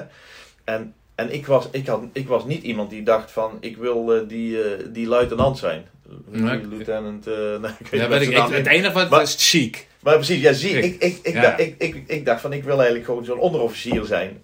Niet, ik hoefde niet per se de uitblinker te zijn van het, of, of waar de meeste aandacht naartoe ging. Ik had meer zoiets van, ja, dat, lijkt mij, dat leek mij het, het leukst. En de- zo, daar, zo is dat later ook altijd geweest. Dat ik nooit, ik heb nooit per se de behoefte gehad om, wat je zegt, de sterkste te zijn. Ja, die behoefte heb ik nooit echt gehad. Ik heb wel altijd de behoefte gehad om sterk te zijn. En als ik een competitie inga, dan wil ik ook winnen. Dan doe ik ook echt wel mijn best. Maar het is niet zo dat ik, eh, hè, ja, dat ik nou eh, per se die, die, die, die drang heb om... Nou, Oké, dus die ziek, die, die, wat ik dan zie, is dat Ja. hij in die, in die heli zit, die deuren open, die Ja. muziek eronder. En dat als je het niet meer weet, ga je naar ziek toe. ja, precies. Ja, toch? Precies. Ja, In een ja, rustig moment, maar ook in het vuurgevecht of Ja. wat dan ook. Ja, Dan, als je het niet meer weet, dan kijk je naar ziek. En ziek geeft jou een teken wat jij moet doen. ja. Gewoon op die manier leiding geven, dat spreekt jou meer Dat, aan. dat sprak mij heel erg Ja, ja. Ja, precies. Eh. dus, eh, ja, dus toen op dat moment zeiden ze tegen mij van ja, je kunt alleen eh, eigenlijk naar het KCT. En toen zei ik van nou oké, dan... Maar dat moet dan, zeg maar, je voelen als je laatste kans dan of zo. Omdat je al die andere dingen, gewoon qua carrière. Dus ik wil eh, dat verdienen. Ik wil een huis, ik wil een vrouw, ik wil een hond en kinderen. Ja. Nou, dat kan met dat salaris als ik in die toren zit. Ja. Dat, hè, maar nee, dan- daar was ik totaal niet mee bezig. nee, goed. maar dan nee. ga je dus wel zeggen, het ultieme op, opzoeken. Want als je daar dus dan niet slaagt, dan heb je eigenlijk alles al geprobeerd, toch? Ja, ik, ik had, dat, zo ben ik er niet echt ingestapt eigenlijk. Ik, maar het, Flitste dat nooit door je hoofd? Nee, het was eigenlijk meer elke keer dat ik op zoek was naar een, ja, weer, dit is weer een heel mooi nieuw avontuur, dacht ik. Van, oh, Ja. dit is ook wel echt interessant. En, eh, en natuurlijk, natuurlijk is daar wel iets wat je altijd, hè, op de KMS eh, zaten bij ons ook jongens die van het eh, KCT kwamen. En hè, je hebt dan eh, op de KMA en daarvoor heb je een paar keer zo'n KCT-week gedraaid. Hè. Dat was toen de tijd eh één week. Zo'n gevechtscursus. ja, zo'n gevechtscursus. Ja, dat vond ik altijd wel heel, heel mooi. Ehm, en en, en daar, ja, daar, daar kon ik ook wel eh, in merken van, dit ligt me wel. Dit vind ik wel interessant om te doen. Ehm, maar op de een of andere manier is het nooit in mijn hoofd opgekomen om daadwerkelijk te zeggen van, oh, ik ga ook echt solliciteren bij het KCT. Ehm, maar ja, Het is ervan gekomen. het is er wel uiteindelijk van Ja, gekomen, inderdaad. Dus eh, toen, ze dat, eh, maar ja, toen ze dat zei van hè, alleen het KST heeft een tekort, ja, toen. Hè, al, al hadden ze vijf andere opties ge- gegeven, had ik waarschijnlijk ook voor het KCT gekozen. Dat wel. Het, Hmm. het is niet zo dat ik. eh, het is niet zo omdat dat het enige was dat ik maar naar het KCT ging. Als ze had gezegd van we hebben de, bij het KCT vrij, bij de verbindingsdienst, bij de, eh, de, de, de re- reguliere infanterie, dan had ik waarschijnlijk nog gezegd van oh, dan wil ik wel naar het eh, KCT toe. Ja. Dus, dus, dus in dat opzicht is het niet zo dat ik nou eh, maar gedwongen werd of dat het Nee, nee. voor mij een, een, een- Nee, we zijn allemaal benieuwd of je die groene bret hebt gehaald. Ja. Zo, dat is het. Daarom Ja. zitten we hier. Precies, ja, precies.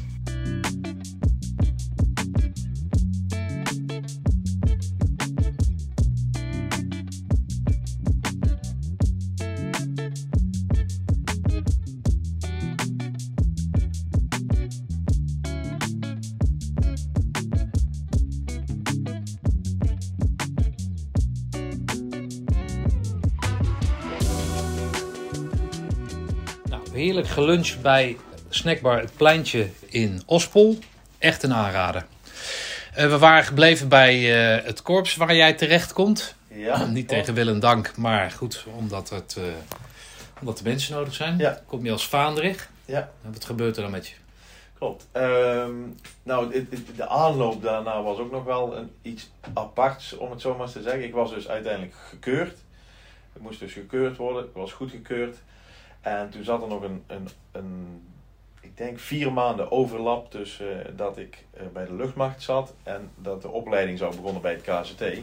En toen heeft eh, de landmacht, die heeft ervoor gekozen om een deel, een deel van die tijd op zich te nemen. En de luchtmacht zou een deel van die tijd op zich nemen. Toen zat ik eigenlijk vier maanden thuis. Toen heb ik ondertussen heb ik mijn, mijn VWO eh, gehaald. Maar ik denk twee weken voordat ik op zou komen, daadwerkelijk word ik gebeld door eh, kapitein eh, Bakker. Toen de tijd zat hij. eh, Jack Bakker? ja, Jack Bakker, die zat bij het KCT. ehm, en die zei, je mag niet komen. Ik zeg, oh, ik zeg, hoe, hoezo dat dan? Hij zegt, nou, iemand in Den Haag, die heeft een mail geschreven naar mij... waarin staat dat jij toch niet op mag komen. Ik dacht, nou ja, wat is dat? Vreemd. Uiteindelijk heb ik toen heb ik gebeld naar, naar Den Haag, naar die beste man. Ik zal zijn naam niet noemen, maar ik vergeet hem niet meer. En die zegt tegen mij, ja, hij zegt, ik heb hier geen tijd voor. En eh, die hangt de hoorn op de haak. Ik dacht, ja, had, ik, ik, en ik kende heel die man gewoon niet. Nog nooit gezien, nog nooit van gehoord.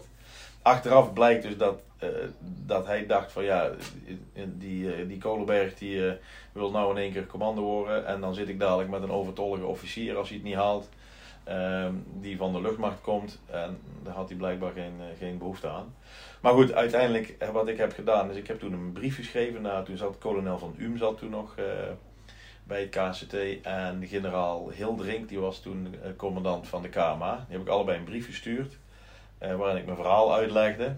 En die brief die heb ik aan een adjudant meegegeven en die is daarmee op dat moment naar Hildering, mee, naar generaal Hildering meegelopen. En dat was wel interessant, want Hildering, Hildering die belde op dat moment naar eh, kolonel van Uhm. En ja, die had een heel kort eh, gesprek eh, van hoe is het met je en dit en dat. En toen zegt generaal Hildering van ik heb hier een brief van de Vaandrig Kolenberg die naar het KST wil komen. En kolonel Van Uhm die zei, ja, ik heb het ook gezien, ik ga dat regelen. En ik denk binnen een uur werd ik gebeld door kapitein Bakker.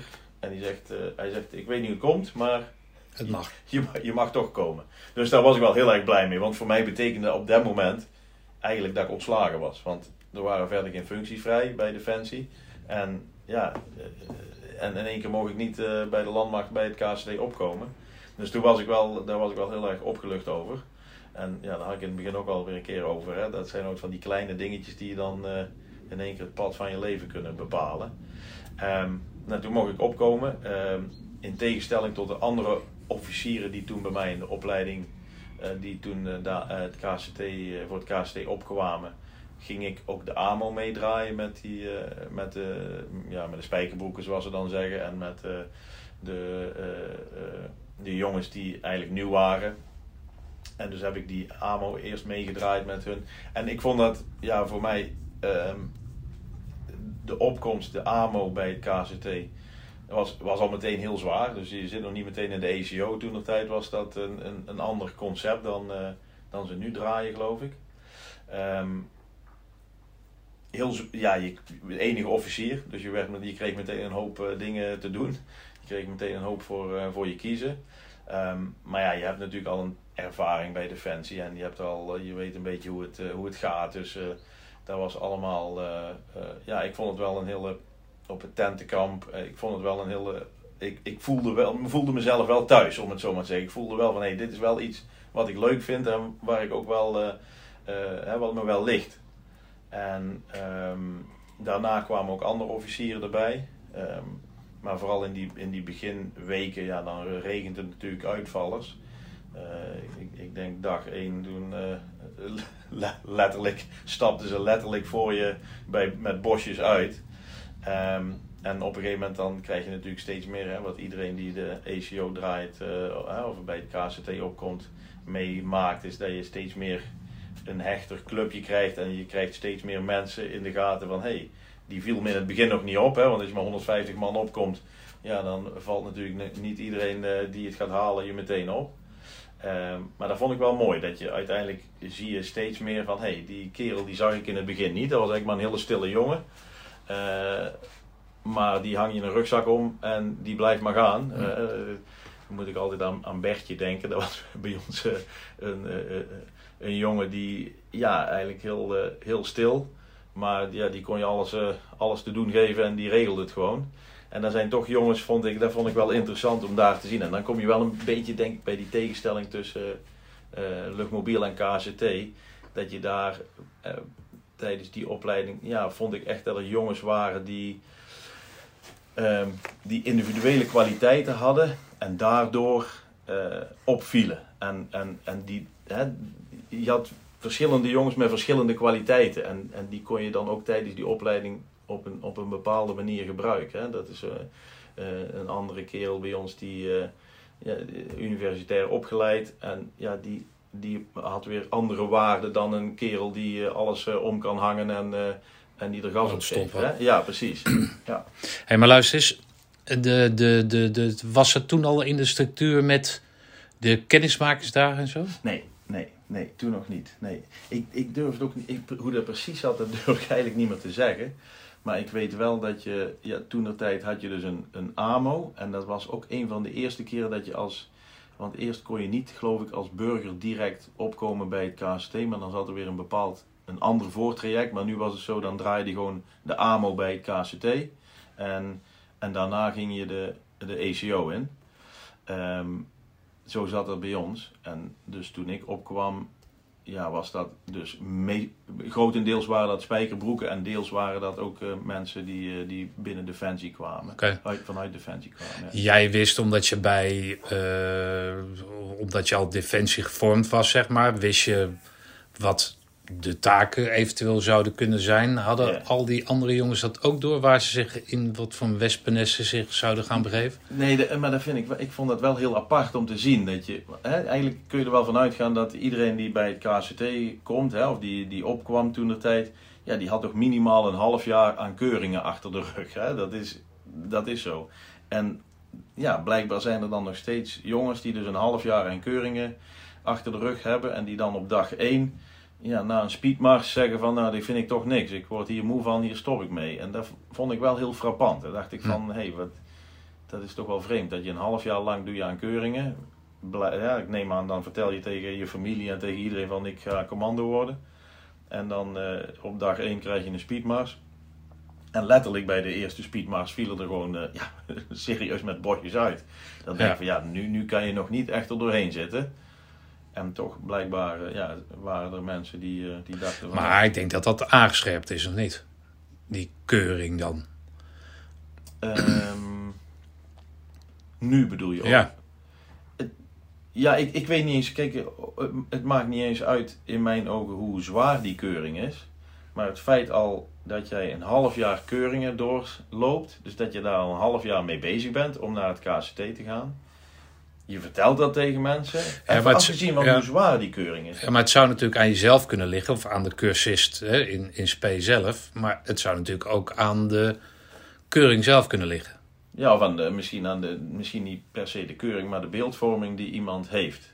Maar het lijkt mij dat als jij bij, uh, als je weet, ik neem aan dat iedereen die zich laat keuren voor het KZT, dat die weet dat dat een van de, of misschien wel de zwaarste opleiding is van Defensie. Ja, dus die kennismakersdagen, dat, dat is wel een goede stap. Ik denk dat wel. Ik denk dat, hè, en, en dat ze een keer eraan hebben geroken hoe het is om, uh, om moeten worden, om het zo maar te zeggen. Ja. Want die, hè, het, het, klinkt heel extreem van 150 man, waarvan er uiteindelijk 8 het halen. Maar ja, als je dan uh, dag 1 zag, waarbij er al, uh, ja, ik, ik denk wel uh, 10 of 20 procent uitvalt. Ja. ja. dat is natuurlijk gigantisch. En ja. daar, daar moet, ja, inderdaad, daar is het goed voor om, om zoiets als kenningsmakingsdagen of iets dergelijks in te voeren. Ja. Ik denk ook wel dat het een, als ik als je kijkt, en dat is een beetje flauw met generaties en te zeggen dat mensen verwend zijn. Maar als je kijkt toen mijn vader jong was, toen was het normaal dat jij op een bal met hooi slaapt. Hè? En als het regent, dan ben je nat. En als je school ver weg was, dan moet je ver lopen. En, en dat denk ik wel, als je dan degene van die generatie, zeg maar, die toen naar het KCT gingen, ja, die schrikken er niet meer van als ze een stuk moeten lopen en nat worden. Of als ze door de modder heen moeten lopen. Maar ik denk steeds meer, hè, dan, ook als ik naar mijn eigen generatie kijk of generaties daarna, ja, dat wordt natuurlijk steeds minder. Want we hebben gewoon, hoe dan ook, zijn meer gewend aan luxe. Dus ik kan me best voorstellen dat die, dat die, dat die overstap dan groter is voor iemand. Ja, maar dat is natuurlijk van alle generaties, hè. Dat men, ja, die patatgeneratie, uh, weet ik veel wat, uh, dat, er zijn in alle, door alle generaties heen, zijn de generaties daarna altijd veroordeeld veroordeeld op dat het zwakker is geworden. Het zal nu helemaal zo zijn met die telefoons en, en, en dat soort zaken, denk je niet? Ja, maar ik wil niet eens zeggen dat het, het zwakker is. Maar ik wil zeggen, als jij ehm, van huis uit gewend bent om op een, een matras te liggen waar niet lekker ligt, omdat het een, een hooibal is. En als jij van huis uit gewend bent dat jij... Um, dat, dat, dat, wat ik net zei, dat je nat wordt als je naar. Uh, en, en dat je dan niet per se met de auto gebracht wordt die overstap om dan, als je dan in één keer bij Defensie komt en in één keer moet jij door de regen lopen en in één keer moet jij slapen op een dun matrasje op, waar een, een stronk onder je, onder je rug ligt.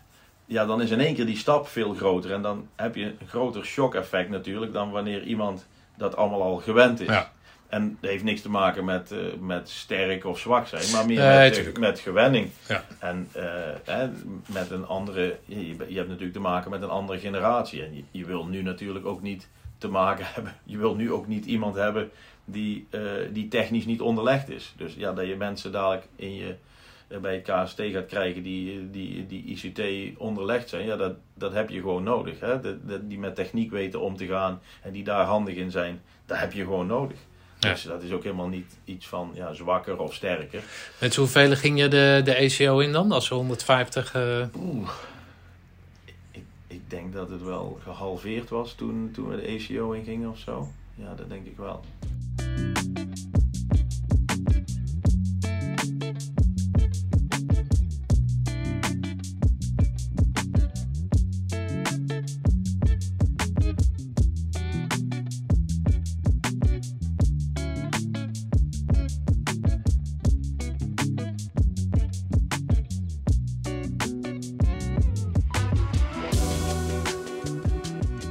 Helft gaat uh, eh, in. Ja, zoiets schat ik hoor. Maar ik, ik, ik heb die getallen ook niet echt eh, bij, bijgehouden natuurlijk. Maar met zoveel eh, qua officieren zit je dan in die club? Even denken. Ik denk dat we toen met 1, 2, 3, 4, 5, 6 officieren waren. Zoiets. Oké. Ja. En wat zijn dat voor kerels dan? Ehm, even kijken. Eentje kwam rechtstreeks van de KMA. Een andere kende ik nog van Luchtmobiel. Als, eh, ja, ik kende hem als soldaat van Luchtmobiel. En eh, drie andere, daar was er eentje ook van, bij lucht, van kwam van Luchtmobiel af. Dus daar waren wel allemaal met ervaring op, geloof één na, die, eh, die dan rechtstreeks van de KMA afkwamen. Oké. En, en daar heeft uiteindelijk, de, zijn er drie officieren die het hebben gehaald. Oeh, dat is veel. Ja, Dan. ja, precies. Dat was wel veel, ja. Dus van die 150 man ja. zijn er dus vijf die het gehaald hebben. Eh, ja. ja, dat denk ik uiteindelijk wel, ja. Zo, dat is heftig. ja. Ja, dat was heel veel. Maar wat ik zeg, vooral in het begin was het een enorme ja, slachting. Ja, Zat daar dan ook nog een spijkerbroek tussen? ja, ja, die het uiteindelijk heeft gehaald. Zeker, ja. ja. Ik geloof zelfs eh, twee uit mijn hoofd. Je. ja. Ja. Dus van, dan, dan wordt het, dat, ja. Dus eigenlijk nog maar één van die 150. Nou, Oké, er zit ook Spa, die, die, die vergelijking gaat niet op natuurlijk. Nee, die vergelijking gaat niet op. Maar dat zijn er dus, ja, acht sowieso is natuurlijk weinig dat. ja, wa- ja, ja, precies, ja. Jeetje, joh. Ik denk dat Heezakkers dacht van mijn laatste... Oh, waar, waar je de laatste van... eh, ja, waar de laatste, Heezakkers? laatste van Heezakkers. Ik denk dat hij heeft gedacht nog even een... eh, eh, nee, ik weet het niet hoor. Ik, ik, ik, ik durf niet te zeggen waar het aan, waar het aan lag. Maar het was wel inderdaad... Er zijn er heel veel uitgevallen, die, eh, die ACO, ja. Jij zegt dat die rode beret halen, dat je eh, er wel moe van werd. Het zal enigszins gechargeerd zijn, maar dat je er nooit doorheen zat. Dat je Ja. altijd dus nog reserves voelde. ja. Eh, in die ACO was dat niet zo.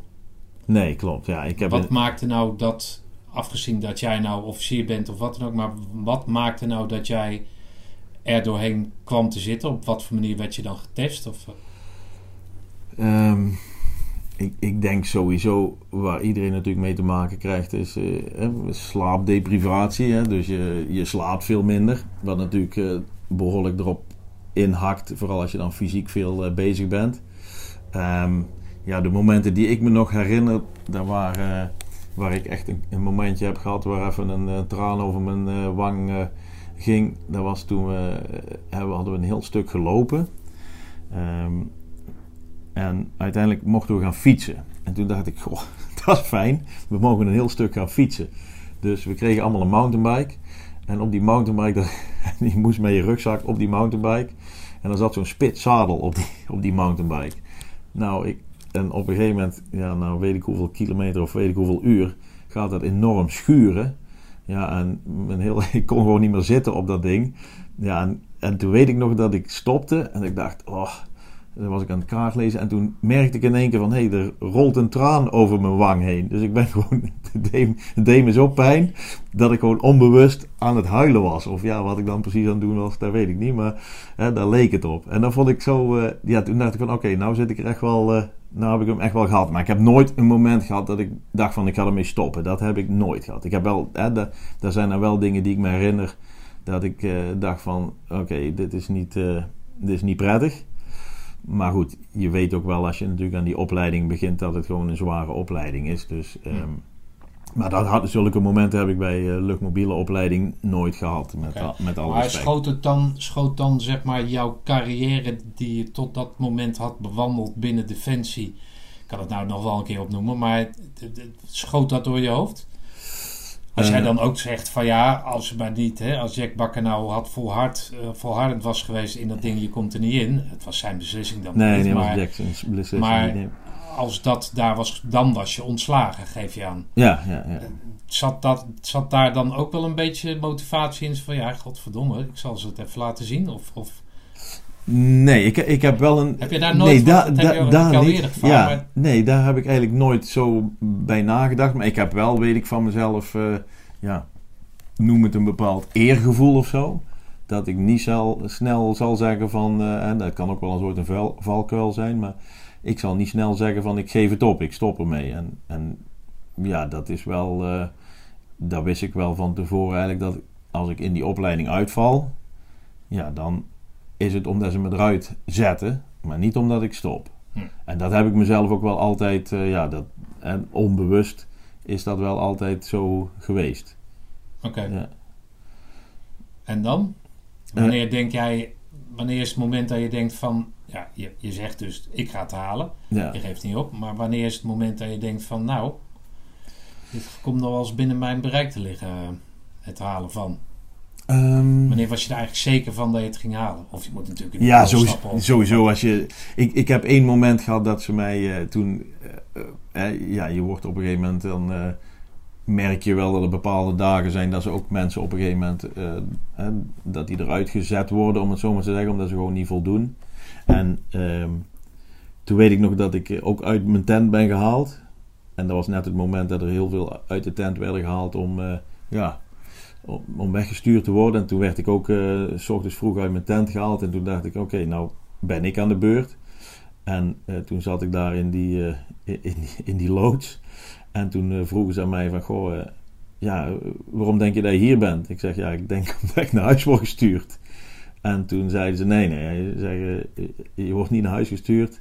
Ehm, maar ja, ze vroegen dus mijn mening over bepaalde andere cursisten. En, of ik, en toen dacht ik eigenlijk van, oké, daar vragen ze niet zomaar. Daar vragen ze omdat ik het, eh, eh, dat ik het wel goed doe. Of, eh, ik bedoel, ze zouden het niet vragen aan mij als ik daarna zelf eruit word. Als ze van plan zijn mij eruit de wieberen. Ja, ja, precies. Bedankt voor je mening, maar nou miet er zelf maar op. Dus daar vond ik wel een moment voor mij dat ik dacht van oké, het, zit, het zit wel goed. En, maar ik heb daar verder ook nou nooit, ja, je merkt natuurlijk ook wel als je in de opleiding zit van oké, je fysiek draag je het prima. En mentaal draag je het prima. En eh, qua leiding geven ging het ook eh, allemaal goed. Dus ja, dan weet je op een gegeven moment wel van oké, het zit wel, eh, zit wel snor. En we hadden ook een heel fijn, vond ik. Ja, dat is wel fijn als je met drie officieren bent. Ja, we hadden een heel, ik, vond, eh, ik kon heel prettig omgaan met die andere twee. En eh, die zitten allebei nog bij, bij Defensie trouwens en ook nog bij het KCT. Ja, ik kon daar heel goed mee overweg. En eh, we hadden een heel prettig team met z'n drieën. En we, ja, ik vond dat we de, de, de last ook over ons drieën goed konden dragen. Want je wordt natuurlijk wel iets meer eh, de aandacht. Als officier krijg je natuurlijk wel meer aandacht. En word je natuurlijk ook wel meer eh, belast. Kleiner die groep wordt, des Ja. te minder Ja, verschil precies. zit er toch in. Tuurlijk, ja, dat is ook zo, Het zeker is zo. niet van eh, jullie vijf uh, Nee. blijf maar zitten. En Nee, zeker pak niet. even de rest. Nee, Eh, ze- nee, zonder meer niet. Nee, ik denk dat of uiteindelijk... sterker nog, helpen jullie even mee. Ja, ik, ik, het- het- je krijgt natuurlijk helemaal in het begin krijg je ve- verhoudingsgewijs veel meer aandacht. Ja. Maar ja, hoe kleiner die groep wordt, ja, hoe meer eh, die aandacht verspreid wordt natuurlijk over iedereen. En dan krijgt iedereen gelijk, eh, gelijke klappen. Wie is jouw eh, favoriete eh, eh, instructeur?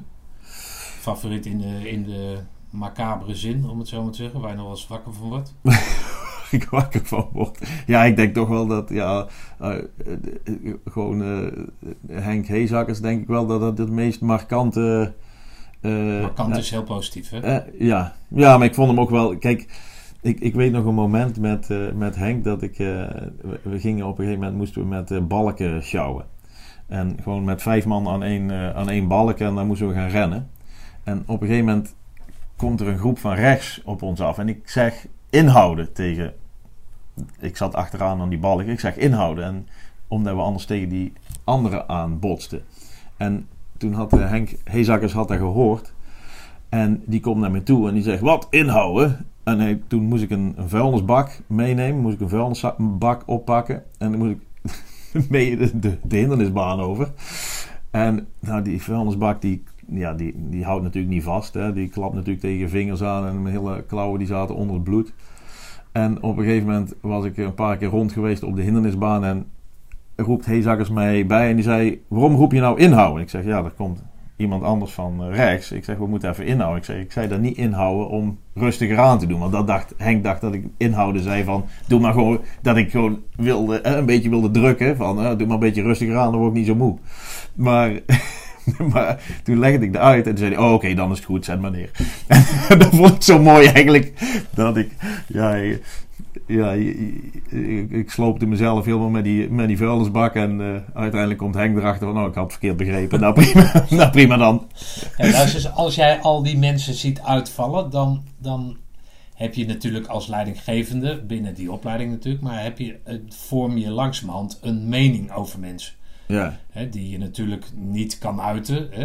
Je kan mensen slecht motiveren, mag ik aannemen. Want als leidinggevende mag je niemand afvallen, want dat ziet het kader dan weer, waardoor jij dan een beetje zo. Maar zijn er mensen waar, die weggestuurd zijn waarvan jij het snapte, maar zijn er ook mensen geweest waarvan je het niet snapte? Ehm, nee. Nee, ik heb van iedereen die weg werd gestuurd, heb ik het uh, begrepen. En ook wat ik zeg toen ik in, die, in de loods werd geroepen om mijn mening te geven, dat was ook allemaal over mensen waarvan ik dacht van ja, dan vind ik wel terecht dat je daarnaar vraagt. Voelde je dat niet als verraden? Nee, nee, totaal niet. Nee, want ik heb ook helemaal niemand, ja, ik heb ook gewoon mijn eerlijke mening gegeven en die ik ook, uh, uh, ja, zeg maar recht in iemand zijn gezicht zou geven. En wat ik ook tegen sommigen heb gezegd toen de tijd. Dus ja, ik voel me daar niet dat ik iemand heb verraden of zoiets dergelijks. Nee, zeker niet. Dus de acht man waar je mee overbleef, daar heb jij het gevoel van dat dat 104, 105, 108 procent uh, een gedegen beslissing is geweest. Ja. Om die door te laten. Ja, ja zeker. Ja. Okay. Al met, met al die jongens uh, die uiteindelijk door zijn gegaan, hè, die dan ook de, de VCO hebben gehaald. Ja, daar stond ik uh, volledig achter in ieder geval. Ik vond het allemaal top, topkerels. Ja. En dat zijn dat vrienden? Um, ja, we hebben toevallig tijdens de lunch gehad over vrienden. Um, dat zijn op zich hè, niet wat je in de Nederlandse cultuur vrienden zou noemen per direct. Hè, dat ik uh, elk jaar naar de verjaardag ga. En, uh, maar dat zijn wel allemaal mensen, als ze mij nu zouden bellen: van uh, Chris, is dit of dat aan de hand? Kan je mij helpen? Dan help ik ze. En ik denk dat dat ook andersom zo, zo geldt. En het zijn natuurlijk mensen, dat denk ik dat voor iedereen geldt, die samen een ACO heeft gehaald. En helemaal als je het maar met, met weinig mensen haalt uiteindelijk. Dat allemaal mensen zijn waar je een hele uh, bijzondere band mee hebt. Dat, die nooit maar meer weggaat. Dat, we hebben het over gehad inderdaad tijdens de lunch bij Snackbar. Laat ik het toch één keer zeggen. Nee, maar in ieder geval, uh, dat zijn mensen waar je eigenlijk niet weet. Weet je van die mensen alles? Of het, het, spits zich toe op hetgeen wat je toen met elkaar gedaan hebt? Uh, ja. Of kom je ook nader tot elkaar op persoonlijk gebied, gevoelsmatig, uh, emoties? Of, of... Um, nou, met, met sommige mensen, je hebt natuurlijk altijd mensen waarmee je. Ik, ik heb nog één iemand van de ACO waar ik mee, uh, mee omga. waar ik nog echt wel ja, zeg maar wekelijks of twee wekelijks contact mee heb. Die woont nou ook in het buitenland. dus fysiek zie ik die niet zo vaak. maar ja, dat durf ik wel een echt eigenlijk een vriendschap te noemen. Met de andere, ja, met die andere twee officieren, daar heb ik ook nog wel eens ooit contact mee. Ja, ik vertelde net dat we ook een, groepsapp hebben. Dus ja, daar hou je wel een beetje van bij waar, waar die zitten. Een van die jongens die is ook nog met mij komen opzoeken in Kenia. Um, ja, heel erg goed contact. En ik denk dat dat iets is waar je wat. Hè, er zijn ook jongens bij die ik al heel lang niet heb gezien, maar ik denk dat dat nooit echt uh, overgaat. Hè? Ik denk dat dat nooit weggaat als ik uh, degene die ik nou het langste niet heb gezien. Um, ja, als ik die weer zie, dan is dat gewoon weer uh, leuk, denk ik. Ja, en dat weet ik eigenlijk wel zeker. Ja. Okay, maar het is dus niet zo dat als je met 150 acht man overblijft, dat je dan alles van haven tot gort van elkaar weet. Dat daar heb je de tijd niet voor nee. en ook geen behoefte aan. Nee. Maar het maakt wel dat je nu na zoveel jaren elkaar kan bellen zonder te vragen. Ja, precies. In je auto stapt en, en gewoon gaat. Ja, zeker. Ja, en dan ja. ook van overtuigd bent dat het dan ook dat hij je niet zomaar zou bellen. Nee, nee, precies. Dat, dat denk ik zeker. Niet ja. van de, ja, in de achtertuin van ja, die moeten omgeploegd worden. Ja, wat, wat, denk jij? Dan bel ik jou toch? Dieren, dat dus niet. Nee, nee, precies. Dat, okay. uh, Zo'n VCO, dat is, is dat, dat, daar gaan natuurlijk ook allerlei verhalen over. Dat, verhalen over, maar daar hoor je dan wel eens wat van, ook niet al te veel. Maar wordt daar, wordt, wat, wat wordt daar, wat wordt daar in gedaan eigenlijk? Um, ja, VCO is natuurlijk, zoals al uh, de naam zit al in de naam, is natuurlijk een voortgezet, voortzetting op de commandoopleiding. Um, maar zit dat bijvoorbeeld ik, in diezelfde sfeer, in diezelfde, in dat, in dat... Ik, ik denk wel dat je hebt iets meer het gevoel van, um, je moet het nou wel heel bond maken, wil je hier uitvallen. Er is uiteindelijk, eh, eh, want ik zeg, we zijn met z'n achten. Ik, ik denk dat we met z'n negen over de streep zijn gekomen, maar eentje is nog uitgevallen in de VCO. Ik moet even een beetje slag om de arm, want heel, eh, heel goed ben ik daar niet in. In die getalletjes precies. Maar, ehm, maar, ik denk dat je in de VCO wel iets meer het gevoel hebt van ja, er is, je hebt het belangrijkste heb je gehaald eigenlijk. Hè? Of het, waar je de meeste kans hebt om uit te vallen. Dus in dat opzicht is er een iets meer ontspannen sfeer. Ook vanuit het kader vind ik dat er een, een meer ontspannen sfeer is. Wij hadden uh, uh, toen de tijd kapitein Rooijakkers als, als onze commandant van de VCO. En dus daar zit een iets meer relaxed sfeer dan tijdens de ECO. Um, maar qua ja, het is natuurlijk nog steeds een fysieke opleiding. Maar er zitten wat meer specialisaties tussen. Waardoor, het allemaal, ja, waardoor je ook wat rustigere uh, weken erin hebt. Dan uh, vergeleken met ACO, wat eigenlijk constant uh, knallen is, om het zo ja, te zeggen. Maar goed, je hebt gewoon een normaal leven. Een normaal leven gewoon je hebt ook wel eens avonden vrij, uh, dat soort zaken. Als je buiten huis woont of buiten de kazerne woont, ja, precies, kan je daar gewoon naartoe. Het, het, wordt meer werk, zeg maar. Ja, ja ik geloof dat het... Ja, nou, het is nog wel steeds echt een opleiding, vind ik hoor. Oh, het is wel... En uh, uh, ik geloof dat wij toen om de week in het veld zaten. Dus dan heb je nog steeds... ja, je hebt nog steeds putweek, om het zo maar te zeggen. En ik geloof dat die 24 uur onder verdraging ook in de VCO zit. Um, dus je hebt nog steeds wel wat, uh, wat, wat, pittige elementen erin zitten. Um, nou, ik durf, ja, het is nog steeds niet dat je echt uh, zo'n, uh, hoe zeg ik het, zo'n werk. 9 tot 5 baan is het dan nog steeds nee, niet, hè? Nee, nee goed, dat, maar dat is natuurlijk geleerd aan het werk. Hè? Dus je zal, ja. je zal in vorm voor moeten blijven. Ja, ja zeker. Ja, ja, tuurlijk. Ja, Hoe ja. is dan de, de, de, de relatie met, met de, de, de parate jongens? Word je geaccepteerd meteen vanaf dag 1? Of heb je geen contact? Nee, zo heel veel contact heb je eigenlijk niet met de, met de parate eenheden. Ze zijn natuurlijk ook uh, vaak weg. Hè. Het is hetzelfde, zelfs als je... Ik, ik, kwam later bij 108 te zitten. Ja, het contact met 105 en 104... Ja, zelfs die jongens kende ik eigenlijk niet goed. Ja. Je, je, zag ze wel eens ooit in de eetzaal, maar het, het is toch meer uh, binnen 108 zijn de mensen die je echt kent. Binnen je eigen compagnie. En zo geldt dat ook voor de VCO. Ja, je kent de, de mensen die in de VCO zaten. Maar daarbuiten, het contact met uh, uh, daarbuiten is natuurlijk uh, wel een stuk minder. Maar ik denk wel dat uiteindelijk als je je groene beret haalt, ja, dat is natuurlijk. en iedereen die paraat zit, die weet wat voor een stap dat is. Ja, in dat opzicht is die acceptatie natuurlijk wel meer aanwezig. En ik, ik denk op het moment dat je... Door je hoeft je niet in te vechten. Het is niet als je nee. naar de koe gaat, weet ik veel dat, uh, dat of je gepiest wordt of dat soort zaken. Nee. Een soort ontgroeningsachtige nee, nee, nee, nee, tafereelen. Nee. volwassen. Ja, precies. Gewoon uh, een volwassen sfeer. En uh, ik denk ook wel dat dat heel mooi kenmerkend is voor het, het KCT. Dat het, heel, het is natuurlijk een hele professionele organisatie waar ja, niet zozeer poespas wordt daar niet altijd zo ja, veel waarde aan, aan gehecht. En ik denk dat dat wel een mooi element is van uh, waarom het ook wel past bij mijn manier eigenlijk. Hm.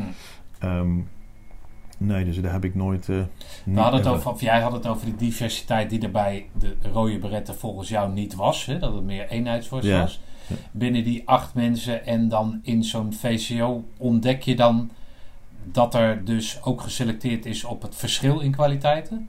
Nou, ik weet niet of daar nou net op geselecteerd is, maar op de een of andere manier komt dat er, denk ik, dat je een heel divers, ook bij die acht, dat is toch wel een heel divers uh, team eigenlijk. En ja, dat is ook wel iets wat, je uit, wat, wat nodig is, vind ik, bij, binnen een, uh, een organisatie als het KCT, waarbij je in kleine groepjes opereert. Ja, dan moet je natuurlijk afhankelijk zijn van verschillende kwaliteiten van, van mensen om, om, om uitermate goed te kunnen presteren. Um, maar of dat nou op geselecteerd is, dat lijkt mij niet. Dat ik denk ik, ik, ik, denk dat het een soort natuurlijk uh, ja, verloop is van, van het, het feit om ja, dat het een, een, een, een soort droom is voor, voor veel verschillende type mensen. Die, ja, als je een, eh, ik denk als je een, een doorzetter bent en je bent ambitieus, dan is dat wel. Dan, uh, klinkt dat natuurlijk interessant voor heel veel verschillende mensen en die ook verschillende dingen hebben gedaan. Want je kunt natuurlijk ambitieus zijn en de universiteit gaan halen, maar je kunt ook ambitieus zijn op uh, sportgebied en uh, ja. studie niet interessant vinden. En ja, dat zijn allemaal elementen, denk ik, die, waardoor het voor heel veel verschillende mensen interessant is om naar het KCT te komen. Okay. Omdat dat toch wel een beetje als het, ja, zeg ik, de, de eredivisie van Defensie wordt gezien in dat opzicht. Hè? Ja. dan zijn er specialisaties. Ja. ja. Daar hoort het, hè, net als bijvoorbeeld bij, die, bij de opkomst, hè, er zijn verschillende tijdperken in. In welk tijdperk zat jij? Werd, mocht jij solliciteren op een bepaalde specialisatie? Werd je aangekozen of werd je aangewezen om een bepaalde Ja. specialisatie op je te nemen? Of hoe, hoe- Ja, de, de- het was standaard. Als je officier was, dan ging je communicatie doen. Dan werd je, Altijd? Ja, comspekker. Oké, nou, dus dat, was gewoon wel goed stand. uit dan. Ja, dus daar had ik natuurlijk ook al in het Weer een verleden, voorsprong op dan. in het verleden gedaan. Ja, in dat opzicht een kleine voorsprong zou ik zeggen. Want eh, het is natuurlijk, eh, ja, je bent als... Maar je wist in ieder geval een antenne op moest Ja, precies. Ja, dus ja, inderdaad. En, eh, ik had eh, wel vaker met de radio gewerkt, misschien dan de gemiddelde. Maar, maar inderdaad, dat, ja, dat, was wel, eh, dat werd gewoon zo aangewezen. En dan, ik durf eigenlijk niet te zeggen wat die andere jongens, of die konden kiezen of dat die ook werden aangewezen. Durf ik niet eens te, te zeggen. Maar ik neem aan dat, je daar wel, dat ze daar wel inspraak in hebben gehad. Maar uiteindelijk dat er ook wel een deel is wat gewoon wordt eh, aangewezen. Ja. Maar, eh, Wanneer komt het tot jou, of wanneer besef jij, of bes- besef jij misschien de hele tijd al, maar dat je werk gaat doen wat, nou ja, eredivisiewaardig is? Wanneer komt dat tot je? Wanneer is dat beseft er? Ehm, ik, voor mij, voor, kijk, toen ik in dienst zat, de, de, de diensttijd voor het KCT. Ja, als je dan iemand zag met een groene beret, tenminste dat had ik. Ja, ik, had, ik keek daar wel een beetje tegenop. Of tegen jongens, toen ik bij de, bij, op de KMS zat, toen zaten er twee jongens van het KCT bij ons in de, in de groep. Ja, ik keek daar wel naar op. Dat ik dacht van, goh, dit is wel het ultieme wat je kunt doen binnen Defensie.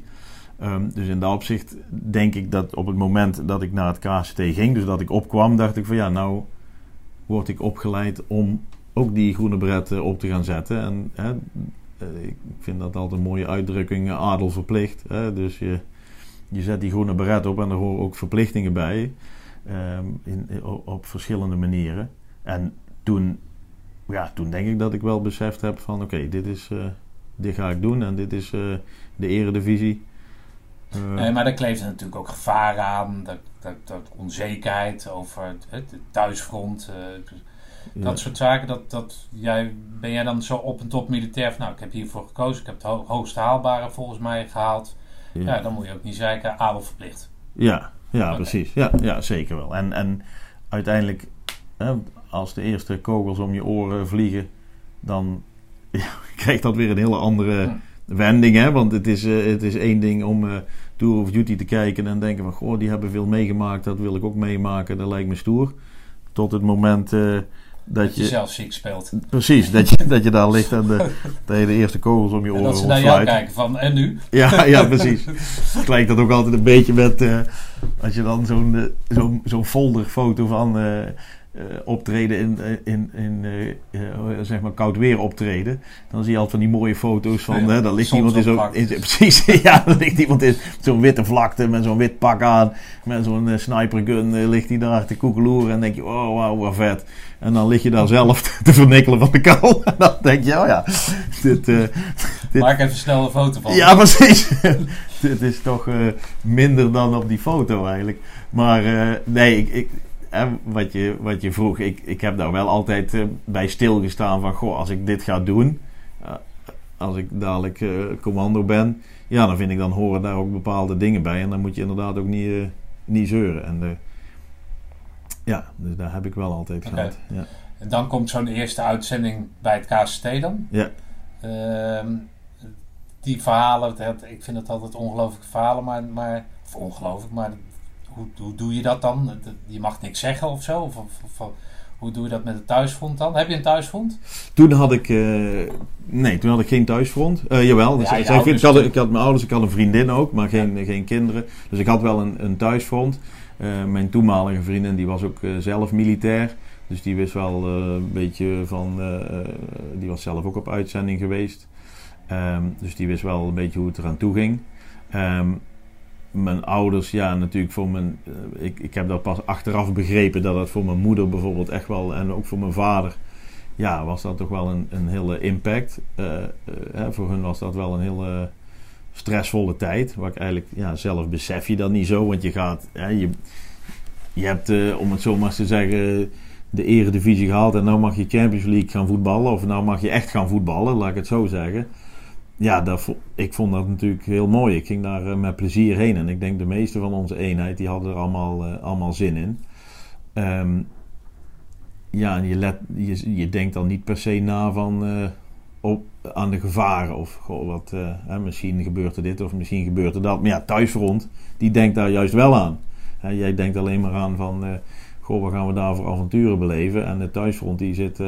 met de problemen eigenlijk. Dus dat is iets wat ik pas later echt heb eh, beseft. Dat mijn moeder, eh, toen de tijd was het ook net minder eh, makkelijk om, om te bellen en Ja. zoiets dergelijks. En dat mijn moeder elke ochtend op teletext zat te kijken van wat er nou weer was gebeurd. Ja, dat, dat raakt Ja. me ook wel. Dat heeft me achteraf wel Ja. geraakt hoor. Dat ik dat niet beseft heb. En dat dat voor haar toen, toen de eerste gevechten waren, daar waar, dat- natuurlijk was daar veel aandacht voor vanuit de pers, omdat dat ja, sinds Korea hadden we eigenlijk niet meer echt zulke gevechtshandelingen gepleegd. En Waar, welk gebied hebben we het? Oer-. Ja. Ja. En ehm, ja, en, als ze dan zoiets leest van goh, eh, eh, Nederlandse commando's in vuurgevecht hè, in, in dit en dit gebied. Ja, dat dan natuurlijk een, en dat zij niet eens weet van ja, zijn er ook gewonden bij gevallen? Of, en natuurlijk, dat, je zou zeggen dat zetten ze er wel bij dan, maar ja, dat, als moeder denk je natuurlijk wel anders. En dat heb Nou ik ja, nooit dat zo. moet, nu je zelf kinderen hebt, een hele andere lading hebben gekregen, toch? Ja, zeker. Ja, ja dat je denkt als ik. eh, eh, ik, ik, ik ben er altijd eh, heel erg positief over, over Defensie. En eh, als nou iemand zou zeggen van goh, als jouw zoon later commando wil worden, ben je daar per se blij mee?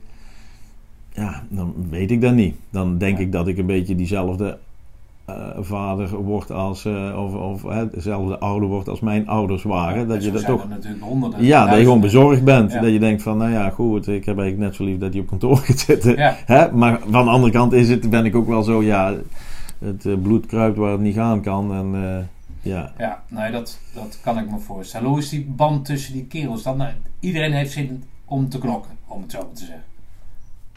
voor mijn gevoel wel. Maar ehm, in dat opzicht eh, durf ik natuurlijk niet voor anderen te Eh, spreken. nou ja, wat mij altijd zo opvalt in, in die verhalen van, en ik heb er niet heel veel ge- geïnterviewd, maar ehm, is vooral eh, dat iedereen overal bij wil zijn. ja, ja, ja, Dus dat- ik, ik, nou, ja zeker. Twee weken, ga jij lekker twee weken op vakantie? Nee. Nee, Ja, maar je vrouw, je kinderen, dat zal. ja. Maar er wordt gesprongen in, eh noem eens een plaats, Arizona. Ja, daar moet ik bij zijn. Ja. Ja, ja, dat- ja. Want je bent al zo'n tijd... Nee, dat er continu erbij willen zijn. ja, Dat ja. herken je bij jezelf ook. Ja, en, en vooral, bij, eh, vooral ook bij anderen, waarbij dat dus... Ja, ik weet, wij hebben een, in het begin van de uitzending is een, eh, een, een, een, een, eh, een MB, een, een jeep, gekanteld. En daarbij is iemand ja, gewond geraakt toen, toen die kantelde. En die is naar huis gemoet. Ja, ik weet dat dat voor hem, dat was gewoon verschrikkelijk voor diegene die daar overkomen is. Die is naar huis gemoet en die heeft ja, vanuit de bank moeten toekijken. En op het nieuws moeten lezen wat wij daaraan het doen waren. Ja, dat is natuurlijk voor diegene, en dat is precies waar je het over hebt, die erbij willen zijn.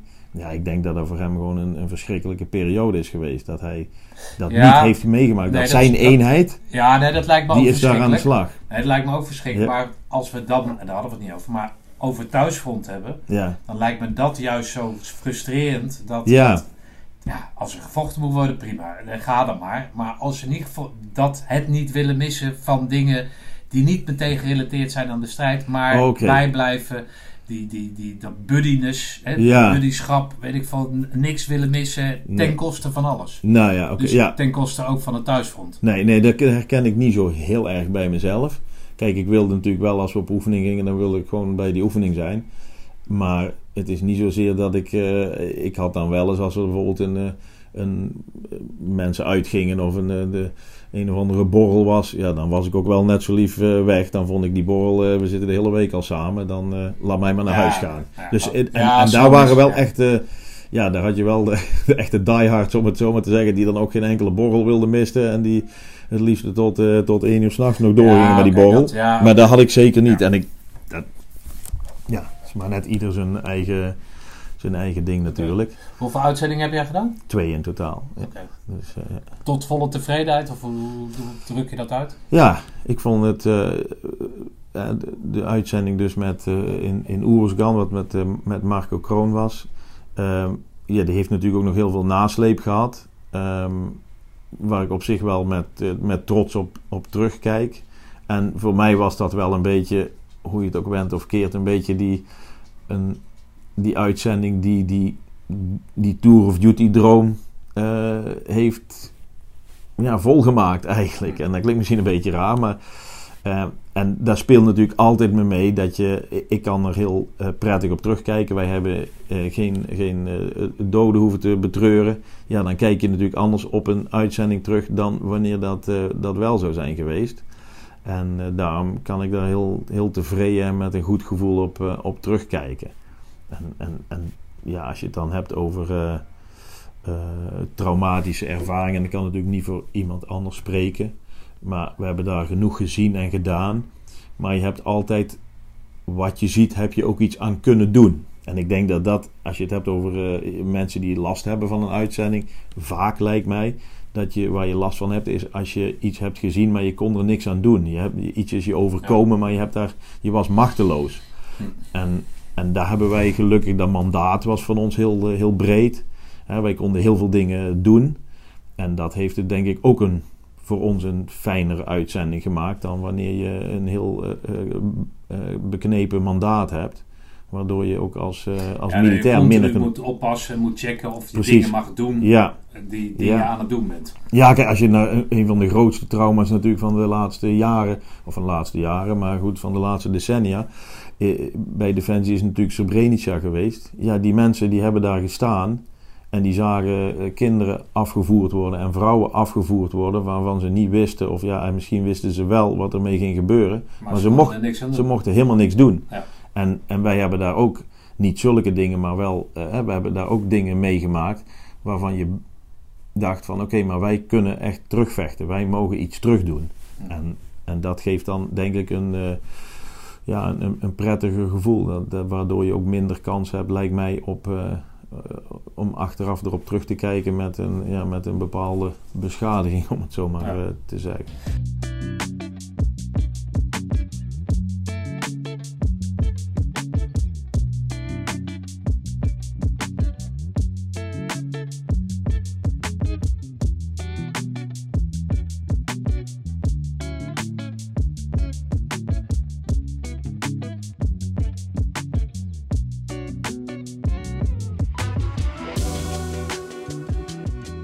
Jij noemt net Marco Kroon. Wat, wat, wat, wat betekent dan niet zozeer hij zelf als wel de figuur Marco Kroon voor jou? Um, nou, natuurlijk was hij, hij was toen mijn directe leidinggevende.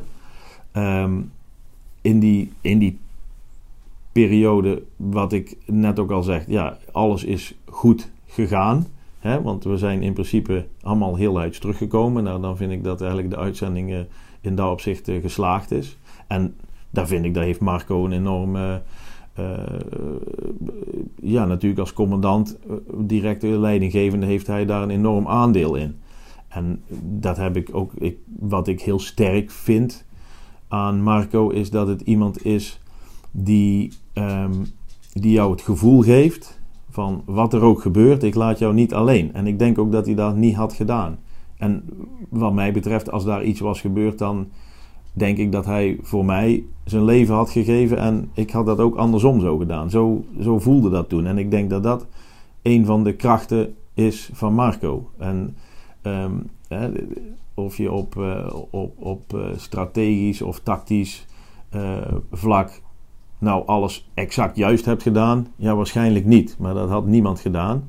Um, maar op dat vlak ja, vond ik hem een van de beste, misschien wel de beste eh, als je het hebt over eh, cohesie, elkaar verbinden, ja, die ik ooit als commandant heb gehad. En daar vind ik dat hij heel erg goed heeft gedaan. En dat is met zo'n uitzending ook enorm belangrijk. Om je eigen mensen een gevoel van vertrouwen te geven. Dat je daar, ehm, als je je- voor, de, voor veel van ons waren het hun eerste gevechtservaring.